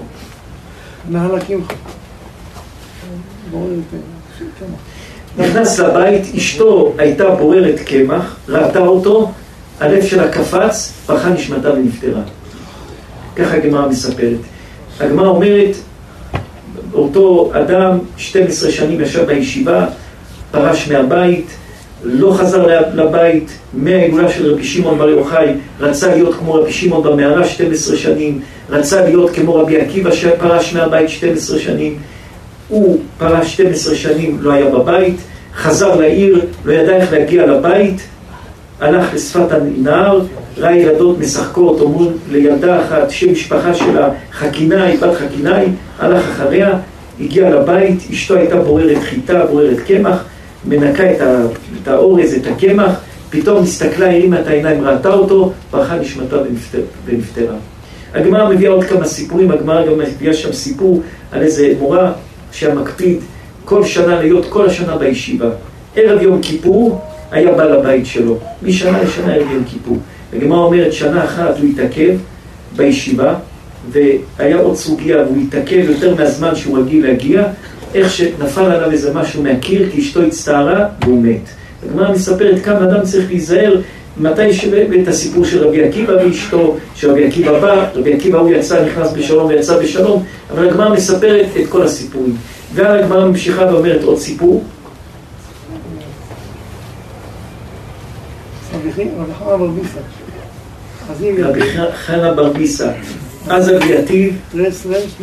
מדרשה. הלך גם הוא 12 שנים לבית המדרש, וישב 12 שנים, ישב ולמד תורה בבית המדרש. אחרי 12 שנים שישב בבית המדרש, הוא אמר, אני לא אעשה את הטעות שעשה האמורה השני, שבא בהפתעה לבית שלו, ואשתו פרחה נשמתה ומתה, אלא מה אני אעשה? אני אלך קודם לבית המדרש. אני אלך לבית כנסת, אשב בבית כנסת, ואני אשלח שליח להגיד לאשתי שאני פה. ומתי שאשתי תשמע מהשליח שאני פה, היא לא יהיה לה הפתעה, ולא יקרה לה את האסון שקרה. רבי משה, אתה רבי שלח לבית, רבי משה תכירו את הגמרא. כדאי עין יתיב ולמדרשה, שלח לבית, שלח מישהו לבית, אתה רבי יושעיה, ברא, הבן שלו קראו לו רב הושעיה, ורב הושעיה היה בן שלו, ורב הושעיה, מתי שרבי, אותו אמורה עזב את הבית 12 שנים, רב הושעיה לא הכיר, אותו אמורה לא הכיר את הבן שלו. אז האימא שמעה שהאבא מגיע, אז הבינה שהוא הגיע, אז כבר היא לא פחדה, לא תקבל שוק שתראה אותו ותצא נשמתה, אז היא שלחה את הבן שלהם, רב הושעיה, שאותו אמורה לא ידע שהבן שלו גדל, והוא כבר תלמיד חכם וגדול בתורה, והגיע להשגות כל כך גדולות מה שהוא עכשיו. אשתו שלחה את הבן, הבן הגיע לבית המדרש, ישב בבית המדרש, אותו אמורה לא ידע שהוא הבן שלו, התחיל לדבר איתו בלימוד, והילד הזה היה תלמיד חכם עצום, רב הושעיה כבר זכה שקראו לו רב הושעיה, היה תלמיד חכם עצום, והתחיל לדבר איתו בלימוד, ואותו אמורה אמר בלב שלו, כמה טעיתי וכמה הצטערתי וכמה לא הצלחתי וכמה לא השגתי. אם הייתי נשאר בבית הייתי מגדל ילד שהיה גדול כזה בתורה. עכשיו הוא לא יודע שזה הבן שלו. הולך לבית שלו אמר לי אביי, אחר אבל זרע, יהי, על לבית, על ברא, נכנס לבית שלו אחריו נכנס הבן רב הושעיה. קם קמה, אותו אמורה קם לבן שלו, הוא ישב איתו בישיבה, דיבר איתו בלימוד, הוא רואה שהילד הזה תלמיד חכם עצום, עמד הבן שלו, אשתו אמרה לו, אתה לא צריך לעמוד, זה אמר למי שאלה שמעת, קם, באי אמרה לי, דבית ומיקה, אבא דקאי מקמא ברא, אשתו אומרת לו, האם היינו באיזה מקום שהאבא עומד לבן? מה אתה עומד לו? קרא עלי רבי מרחמה, קרא לאברהם מבר חמא, המשולש, החוט המשולש לו במהרה ינתק. זה רבי יושעיה, ולא של רבי חמא, ברביסה. אז למה המשולש? איפה המשולש? רבי יושעיה, לא של רבי חמא, ברביסה. ביסה זה אחד, רבי חמא שתיים ורבי יושעיה, הבן. כמה אפשר ללמוד מהגמרא הזאתי, איזה, איזה גמרא מפחידה הגמרא הזאתי, שכל אחד צריך לשזור את הגמרא הזאתי בנפש שלו. סיפור ראשון, תנא אמורה אחד הולך לרבי שמעון להילולה, חוזר בדבקות, באורות גדולים, פורש מהבית 12 שנים, מגיע למדרגות עצומות, עצומות, עצומות. חוזר לבית, אשתו רואה אותו, יוצא נשמתה מתה. הגמרא אומרת, מה הוא עשה? אמר שם קדוש והחיה אותה. הוא לא השאיר אותה מתה, החיה אותה. תסתכלו בגמרא, אמר לפניו ריבונו של עולם, מה עשתה המסכנה הזאת? בשכרה, באה ירח מעלה וחיה. החיה אותה. החיה את אותו אישה, אבל היא מתה והחיה אותה. הקים אותה לתחייה והחיה אותה. רב הושעיה אומר, אני לא אנקה מהזכויות שלי. אני לא יהרוג אדם לגרום לו... אותו אמורה אומר, אני לא יהרוג את אותו, את אשתי חס ושלום. מה הוא עושה? הולך לישיבה. לומד תורה. שולח לאשתו שליח ואומר לה, אני הגעתי לעיר, אני עוד מעט בא לבית. אשתו מה עושה? שולחת את הבן. הוא לא יודע שזה הבן שלו. הוא מדבר איתו בלימוד, הבן תלמיד חכם גדול, כבר הגמרא קוראה לו רב. מי שמוזכר בגמרא בלשון רב היה בכוחו להחיות מתים. הילד הקטן הזה כבר היה בכוחו להחיות מתים. הוא מגיע לבית, אשתו מקבלת אותו בכבוד, באהבה, בשמחה גדולה. אותו רב הושע נכנס לבית, הוא קם לו, חושב שהוא רב. אשתו אומרת לו, איפה מצאנו שהבן עומד לאבא? שהאבא עומד לבן, הוא בן שלך. שמח שמחה גדולה, ועל זה היה אומרים עליו, החוט המשולש לא במהרה ינתק. חוט המשולש זה שלושתם, ובאמצע, מה שמחזיק את האמצע זה אותו אישה צדיקה. מה הפירוש? זה הבן שלך. יש הרבה אנשים שעובדים והולכים כל היום לעבודה. ומתי שהם הולכים לעבודה, אז האמא מגדלת אותם. אבל האמא מגדלת אותם בלי האבא. איפה האבא? בעבודה. מה אבא עשה? אבא בעבודה לא יודע. אז אדם גודל בלי אבא, אדם גודל בלי מציאות של חינוך מושלם, כי כל ילד צריך גם את הפנים של האבא וגם את הפנים של האמא. בית שהחינוך שלו בנוי אימא לבד או אבא לבד, ואין בו את כל האווירה של התא המשפחתי, אבא ואימא ומשפחה שלמה, אז הילדים האלה יש להם חוסר בנפש שלהם. הילדים האלה יש להם משהו שצריכים להשלים אותו, וצריכים רחמי שמיים גדולים להשלים אותו. מה, אותו אמורה יש לו צער בלב, לא חינכתי את הילד. לא זכיתי לחנך כזה ילד. הוא בא לבית, זה הילד שלו. הוא רוצה לעמוד, אשתו אומרת לו לא. מתי שאני חינכתי אותו, כל דבר אמרתי, זה אני ואבא. אני ואבא עשינו, אני ואבא נותנים, אני ואבא, אני ואבא ביחד בכל דבר. ומתי שדבר בנוי, האבא והאימא וכל המשפחה ביחד, יש לאדם בנפש שלו חוט המשולש, אצלו חזק ויציב, ויש לזה כוח גדול ביותר. ילד שהאימא מגדלת אותו מורעל, ילד שהאבא מרעיל אותו לכיוון והאימא מרעילה אותו לכיוון, הרי מאיפה בא לאדם חוסר החלטה? למה בן אדם רוצה לקנות אוטו כן, לא, רוצה לקנות בית כן, לא, רוצה לנסוע כן, לא, מאיפה בא לאדם הפיצול של המחשבה? זה מגיע מתי שאדם ילד קטן והוא רוצה ללכת לחופש ואבא אומר לא, והאמא אומרת כן. הוא רוצה לרדת לשחק, האמא אומרת כן, האבא אומר לא. הילד רוצה לקנות בגד, האמא אומרת לא, האבא אומר כן. אבא והאמא לא בדעה אחת. אז כל דבר בחיים שאדם גודל, האבא שאצלו בראש אומר משהו, והאמא שאצלו בראש אומרת משהו. אבל בית שגודל בשלמות, שהאבא והאמא מחליטים אותה החלטה, וכל דבר זה אותו קו, אז הילד גורם, בו, נברא, והילד גודל בריא בנפש, יודע לקחת החלטות כן ולא, בלי פיצול אישיות.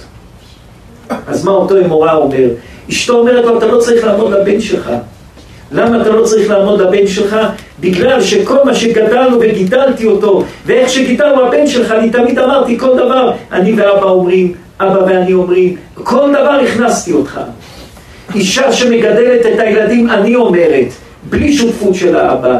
אני חושבת, בלי שותפות של האבא. ילד שגודל שאין לו שלמות של האבא והאימא ביחד, אז יש לו משהו חסר בנשמה.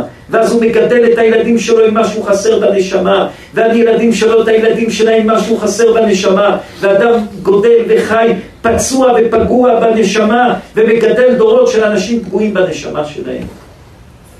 לכן כל דבר שאדם עושה בבית צריך להיות בשותפות. ואם זה לא בשותפות, משהו לא בריא בבית, תסדר את זה.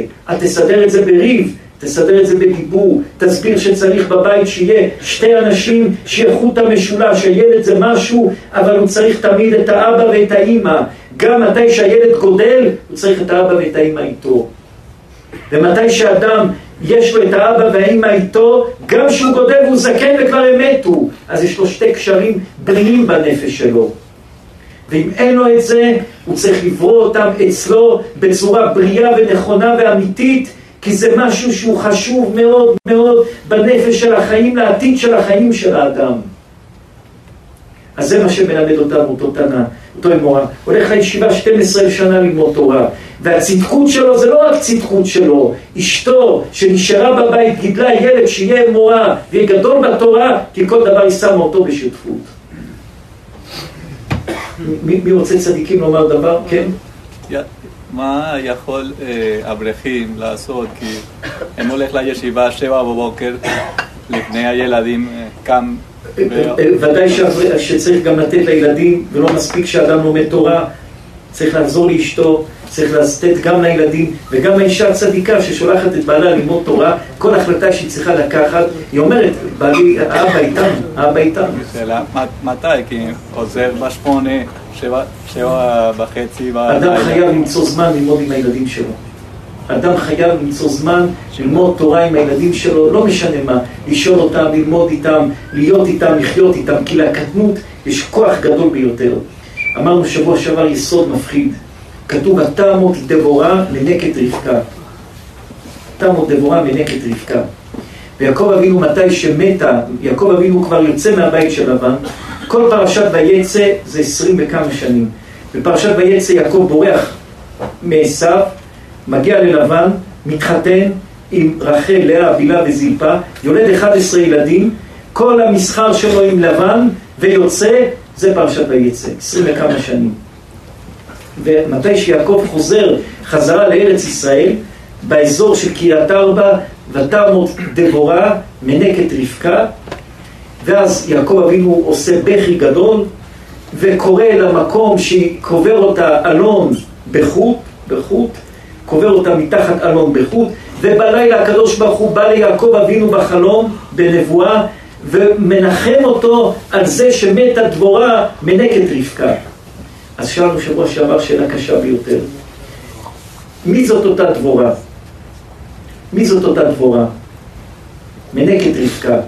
איפה מצאנו את השם של דבורה עוד פעם? מתי שלבן, בתואל, שחררו את רבקה ללכת להתחתן עם יצחק אבינו, אז כתוב שהם שלחו איתה מנקת. אונקלוס אומר שמה פדגוגית, כמו מורה, פדגוג, מורה. שלחו איתה מורה. עכשיו, רבקה הייתה בת שלוש, הייתה ילדה קטנה. ורבקה, הגיל הקטן של האדם, מתי שאדם, ילד קטן, האדם צובר ולוקח את כל הדברים הבסיסיים של החיים שלו. נסתכל כל אחד ואחד מאיתנו. שאלנו שבוע שעבר בניו יורק, מי זוכר איך קוראים למורה שלו בכיתה ג'? אתם זוכרים? אתם זוכרים הכל. רובם זוכרים איך קוראים לגננת. למורים שכחנו, כיתה א', כיתה ב', כיתה ג', שכחנו. הגננת, מתי שאדם ילד קטן, יש לגן, לגיל שלוש, לגיל הקטן הזה השפעה גדולה בנפש של האדם.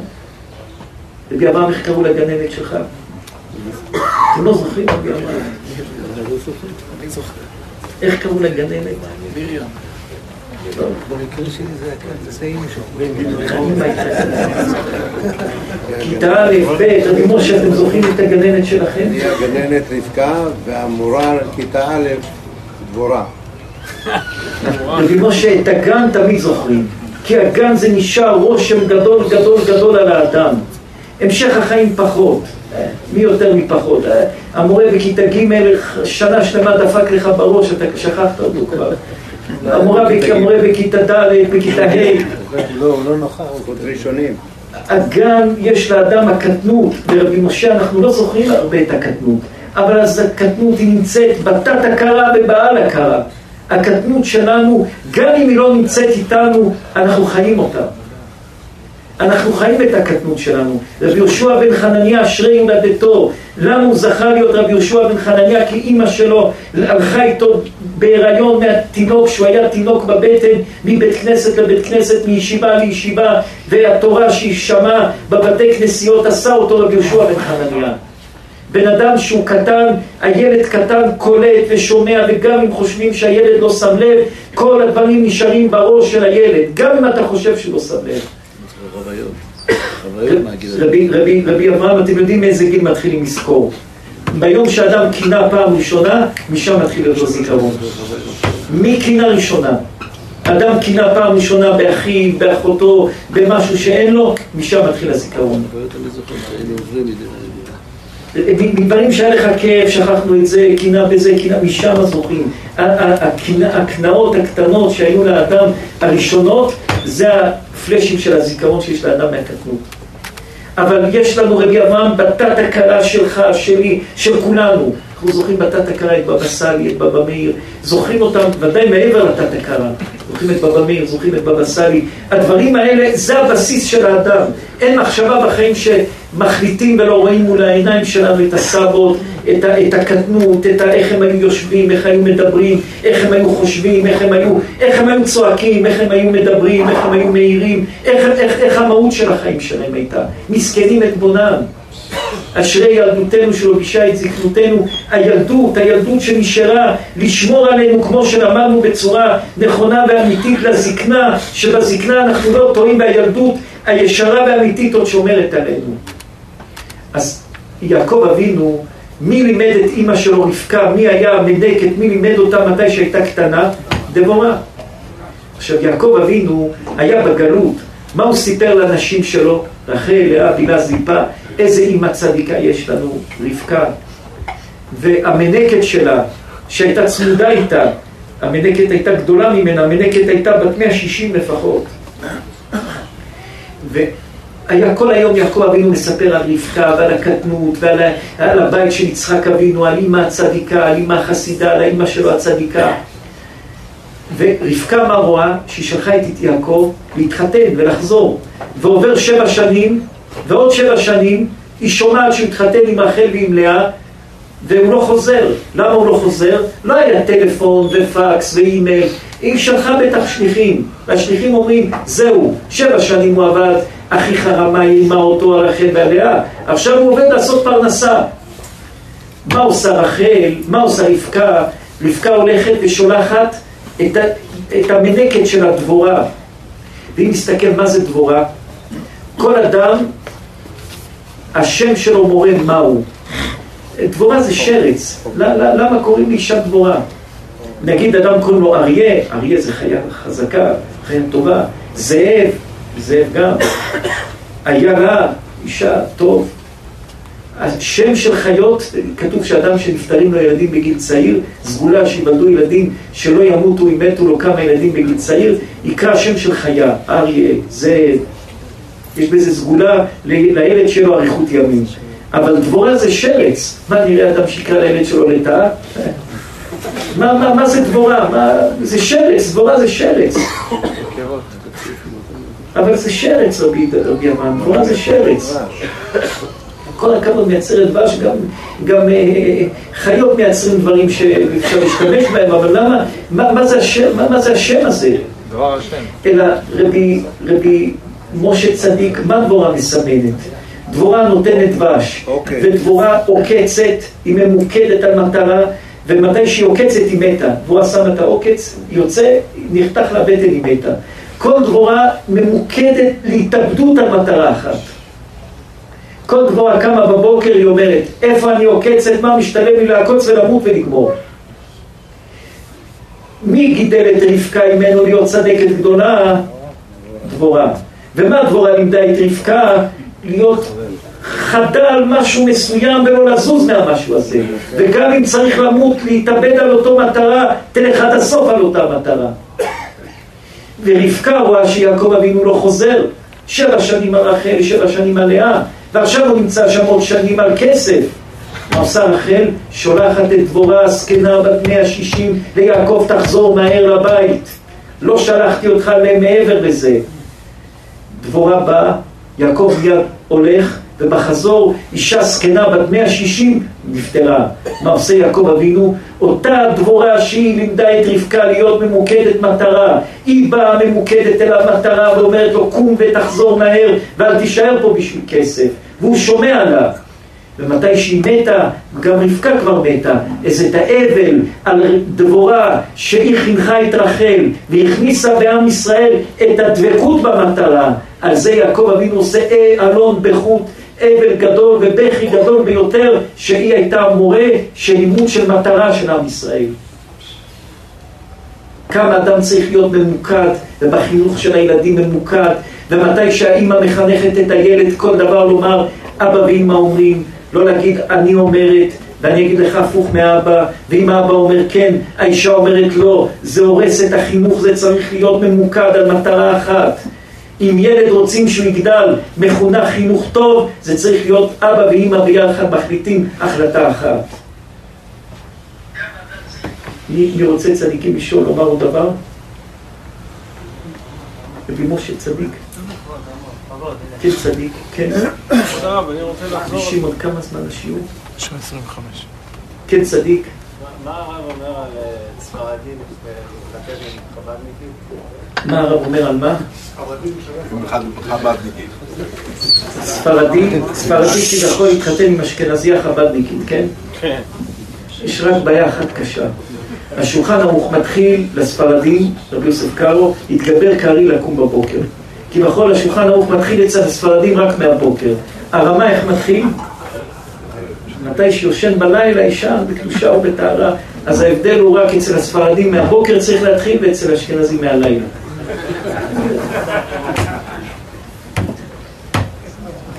ביבי אתם יודעים, אצל השולחן ערוך הספרדים להתגבר קרעי לקום בבוקר, שהוא יהיה מעורר השחר. אצל האשכנזים הרמה מתחיל את השולחן ערוך? הוא רבי רוטשילד הצדיק. מתי שיושן, נשאר בקדושה, בטהרה, אצל הספרדים זה מהבוקר, אצל האשכנזים זה מהלילה. כולנו יהודים. איך ומה? היום התחיל בלילה. היום מתחיל בלילה רבי משה. אבל כל אחד איך שמסתכל. כל עם ישראל זה אחד וכולנו אחד, ספרדי, אשכנזי, הכל זה אחד, כולנו זה, כולנו זה דבר אחד, כולנו זה מציאות אחת. סיימנו לצדיק, ברוך הבא, ברוך הבא צדיק, והוא עומד עליהם, מפקח. מי, מי, מי רוצה צדיקים לומר עוד דבר? כבוד הרב, כן, צדיק. מי- פה מישהו התחיל, אתה צדיק. איך קוראים לך? משה. רבי משה הצדיק. אני כן. רציתי לדעת, אה, עשיו אני יודע שקיבל שכר על פעולתו בזמנו שהוא חתך, היה לו, עשה את הברית מילה אבל עצם, עד עצם היום הזה, עשיו שונא ליעקב עד עצם היום אנחנו סובלים אה, מהישמעאלים עשו וישמעאל זה שתי אנשים. ישמעאל.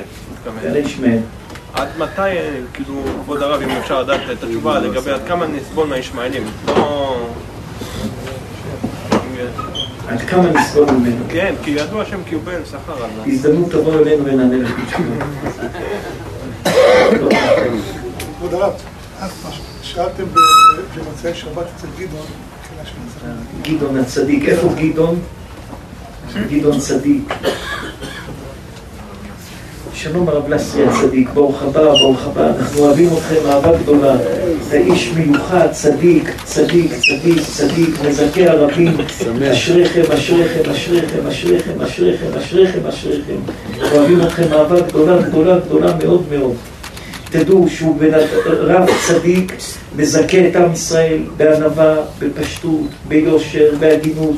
עליו אפשר לומר, ונפשי לעפר הכל תהיה. אנחנו אוהבים אתכם צדיק אהבה עצומה, עצומה, עצומה, עצומה, עצומה, עצומה. שנשמור אתכם ויברך אתכם.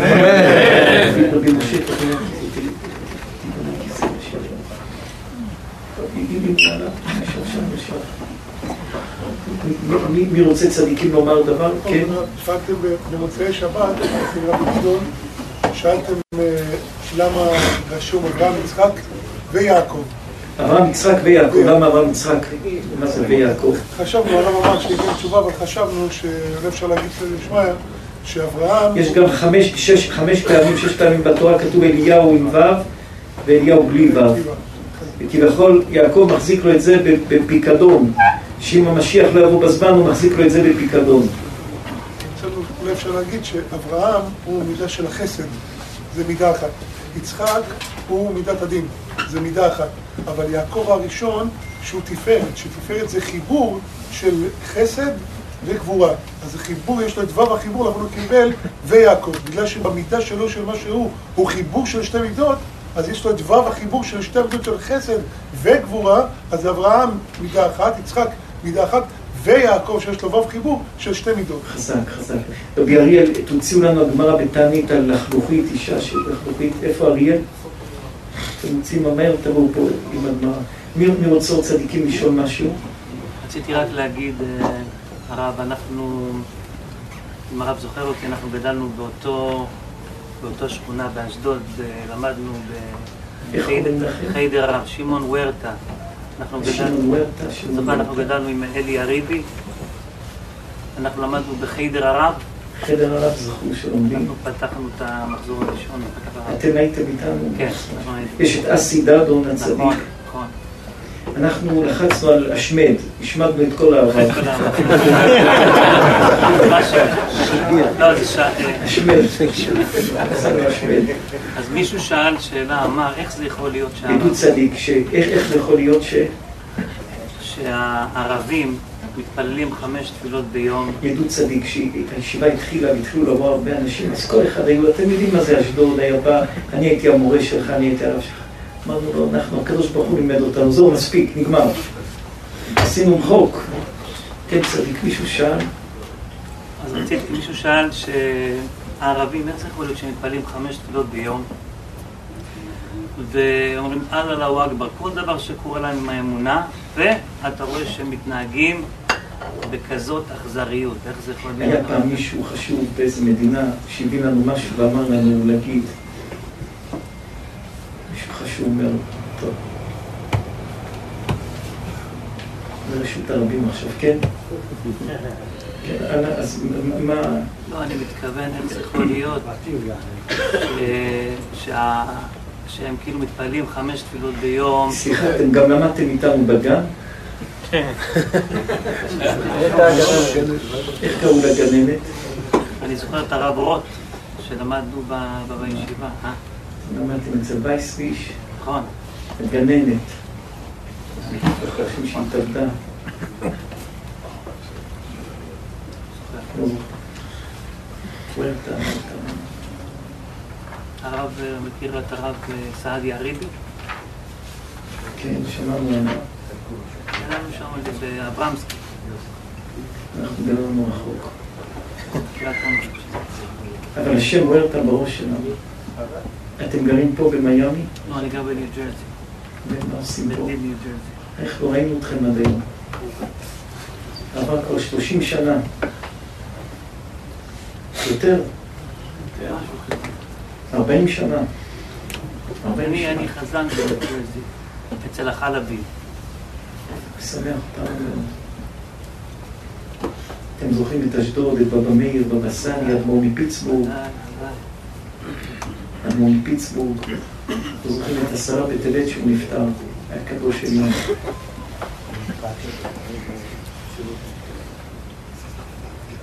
אז איך הערבים מתפללים ומה?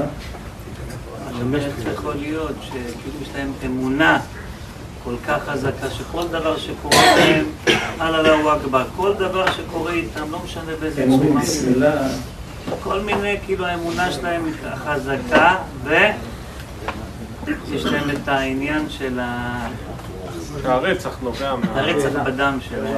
יש פה משהו דולק, אז אנחנו לא יכולים לומר לא את זה. תיכנסו אלינו בארבע עיניים. כן צדיקים, רבי, כן רבי משה צדיק. אני מאוד, מאוד אוהב את החידודי לשון שלו עם הגימטריה של האברך הזה. אני רק רוצה להוסיף לו שמצאתי ש-364 הרוגים היו בטבח ברעים. 364. במסיבה. שזה, במסיבה. שזה בגימטריה. שטן. איי, איי, איי. ועד לעסקה של החטופים בעזה, היו לנו 238 חטופים. גימטריה רחל. שבגימטריה זה רחל, 238, וכשעם ישראל נפלו בשבי הבבלים והובלו בשלשלות לבבל, עברו דרך קברה של רחל והתחננו על קברה להיגאל. כבוד הרב, גם אה, 13 חטופים השתחררו שרחל פעם ראשונה הוזכרה בתורה וכתוב רחל מבכה על בניה, זה נכון. 13 אותיות. ו-13 בדיוק השתחררו, וגם נור, בארמית גיליתי זה אש. אה, נור זה גימרתי 250 של- 256 שזה דברים, ספר דברים זה אש. וגם בהשגחה פרטית מישהו הביא אותי לפה שקוראים לו אהרון. אהרון זה גימרתי הדברים. משה, אהרון ומרים ביחד זה 913 שזה גם אין. דבר יותר קשה מאכזריות בחיים, אין. רבי משה, תדעו, אכזריות זה הדבר הקשה ביותר.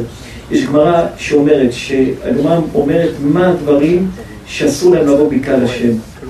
נכון, יש משנה שאומרת עשרה יוחסין לנו בבל, כהן, לוי וכולי וכולי, עשרה יוחסין.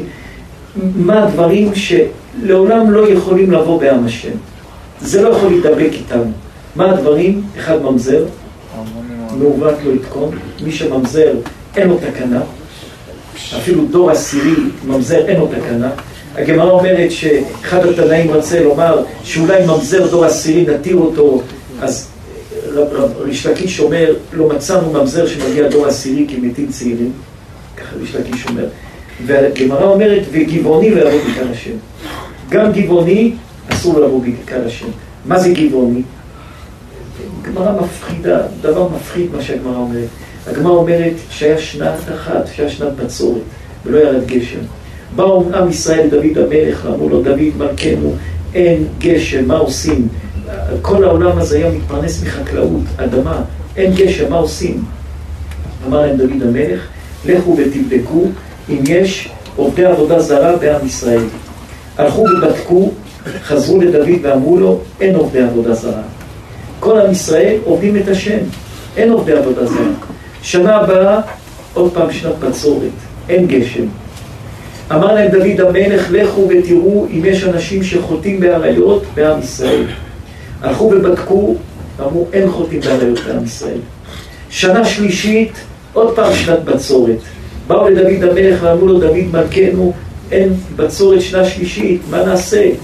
אמר להם, לכו תראו אם יש אנשים שמתרברבים. אני מיליונר, אני עשיר ואין להם כלום, רברבנים. תסתכלו איך התורה ממתקת, עבודה זרה, עריות, רברבנים. הלכו בדקו בכל עם ישראל, אמרו, אין רברבנים. אמר דוד המלך, אם כך, הדבר תלוי בי. אני המלך, אם שלוש שנים שנת בצורת ואין כסף, אין גשם, הדבר תלוי רק בי, אני השם. הלך דוד המלך וצם ושם אפר על ראשו והלך, והלך למשכן ושאל בשם, אמרו לו, שאל את הקדוש ברוך הוא באורים ותומים, למה יש שנת בצורת? אמרו לו שתי דברים. דבר אחד, על גבעונים, ודבר שני, ששאול המלך לא נספת כהלכה. מה הפירוש על הגבעונים? מה הפירוש על הגבעונים?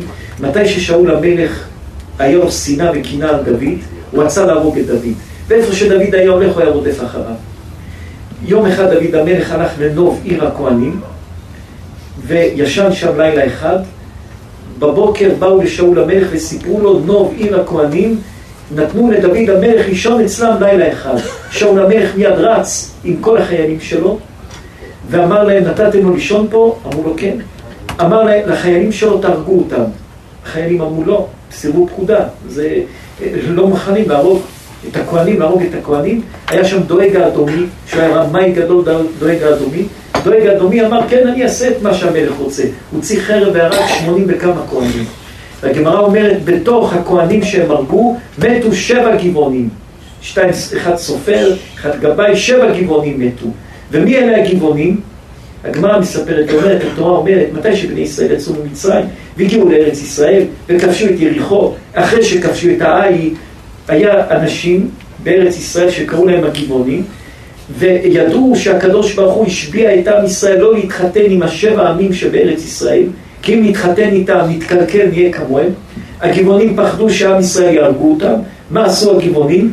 הלכו ולבשו בגדים, לכלכו את עצמם באבק, כמו שבאו מדרך רחוקה, התקרבו, ובאו ליהושע בן נון ואמרו לו, שמענו שיצאתם ממצרים, שהקדוש ברוך הוא קרא לכם את הים, הוריד לכם את המן, נתן לכם את הכל, וניצחתם את יריחו וכולי. באנו מרחוק מאות קילומטרים, אלפי קילומטרים לעשות איתכם שלום.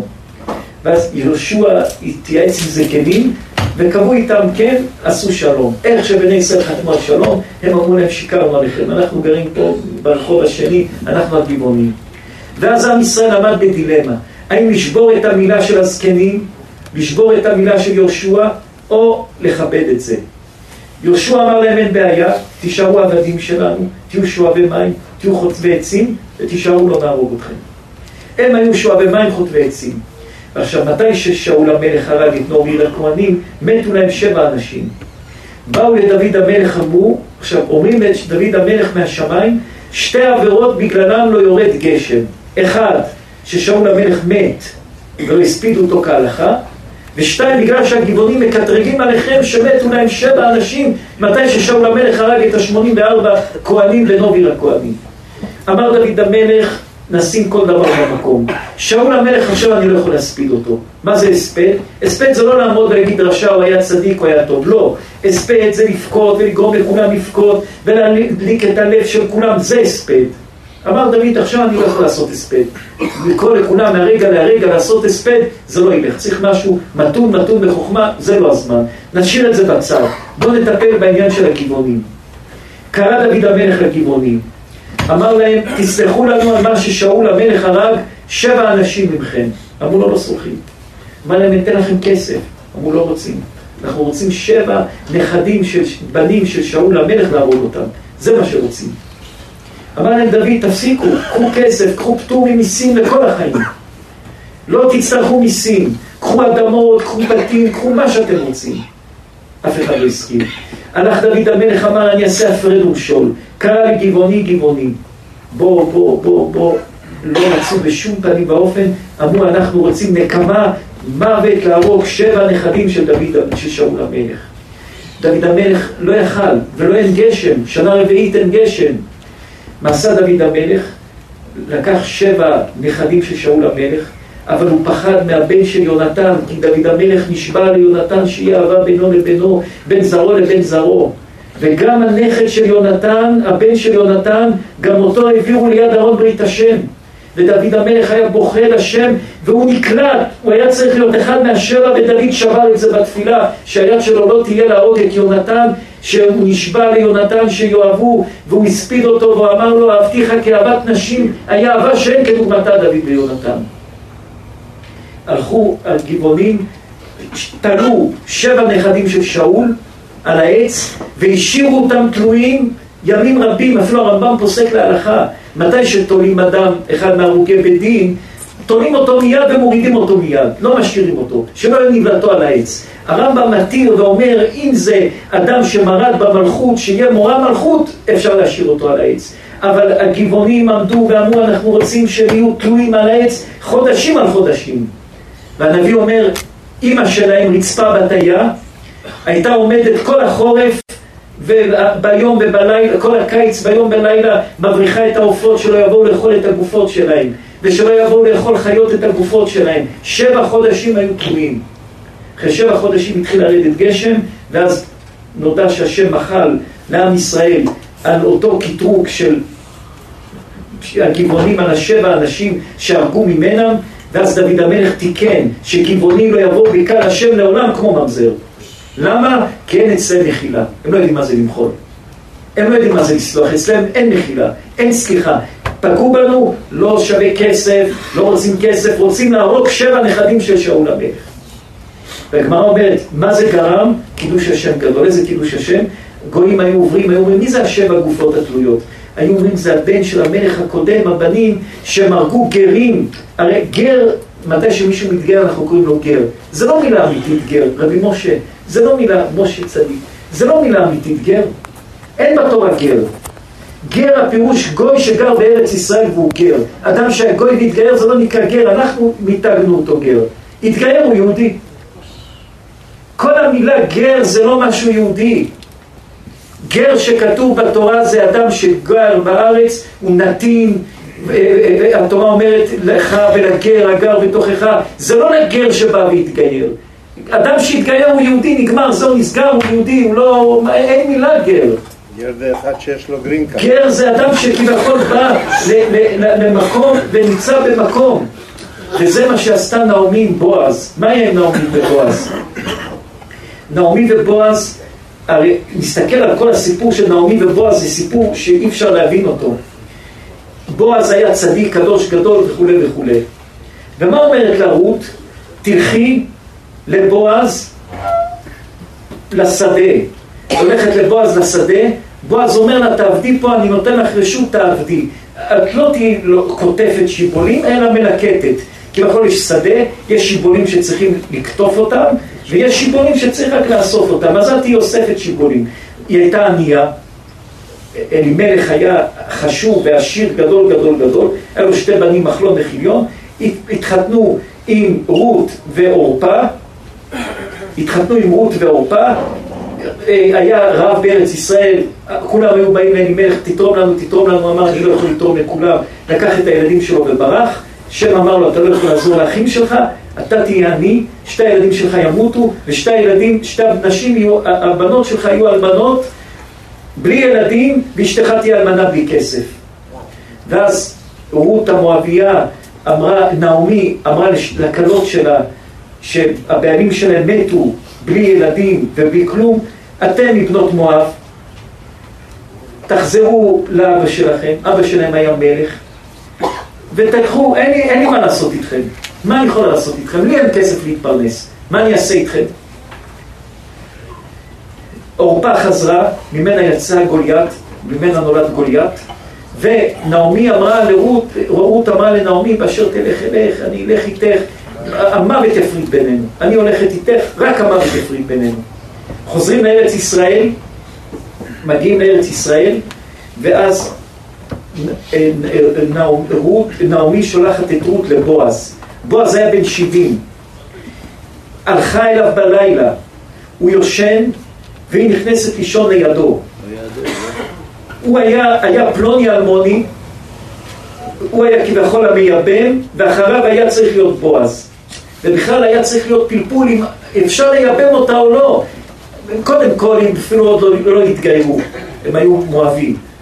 ודבר שני, האם מואבי ולא מואבייה, היה צריך את, את הפלפול מואבי ולא עד שבא אותו אדם ואמר אני שמעתי בבית מדרשו ששמואל הרמתי מואבי ולא מואבייה והיה צריך פלפול עצום. והיה אחד לפניו פלוני אלמוני. רבי משה אתה צדיק, יש רחוב בתל אביב, רחוב פלוני אלמוני, יש שם בית אחד, רחוב פלוני אלמוני. רחוב שלם עם בית אחד קוראים לו רחוב פלוני אלמוני. אתם יודעים את הסיפור של הבית הזה? איך לא יודעים? מה הסיפור של חוף פלוני אלמוני? תחפשו את זה אחר כך. זה, זה הסיפור של יש, אז היה אחד פלוני אלמוני, ואז היא באה, יושנת בין הרגליים שלו. הוא מתעורר, פוחד, מי את? הוא היה בן 70. אותו יום הוא בעל אותה אחרי שבית דין התירו לו, ולמחרת הוא מת, ומזה כבר יצאה המלכות בדוד. היא באה אליו ואומרת לו, מה יהיה איתי, איך יהיה איתי, הוא אומר לה, תחכי, בבוקר אני אלך לבית דין, אני אשב בבית דין, והוא נשבע, ואז הוא נותן לה שש שיבולות. איך הלשון שש? הרים את מטפחתה ונתן לה שש שיבולות. מי יקרא לנו בדיוק המילים? מי, מי מהר המילים? רבי אריאל צדיק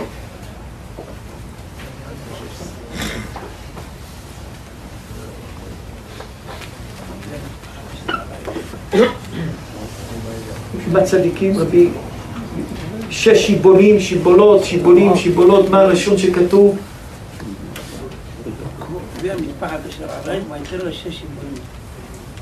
המטפחת לקח את המטפחת אשר עלייך איך אומרים שיבולים או שיבולות בעברית? בעברית, אז איך כתוב בפסוק? מישהו מהר יוציא, מהר. שיבולים. שעורים, שש שעורים. שש? שש שעורים. ויאמר רבי המטפחת, שעוריך ואחזיבה, פתוח מזבח, וימות שש שעורים. שש שעורים, אומרים שעורים או שעורות? שעורים. שעורים. אנחנו חושבים שעורות, איך אומרים בעברית? שעורה אחת. שש שעורים או שעורות? שעורים. אומרים את זה בלשון רבים או בלשון יחיד? שעורין או שעור? אנחנו יודעים מה כתוב פה. שעורים. כתוב בעברית אמיתית, אומרים שעורים או שעורות? שעורה אחת, שלוש שעורות. אז שישה? שישה שעורות. שש שעורים. אז איך צריך להגיד, שישה או שש? שש. שש או שישה? תראו איך היהודים אוהבים לריב. שש או שישה? אם אומרים שש אז זה שעורות, אם אומרים שישה זה שעורים. אז איך כתוב הפסוק?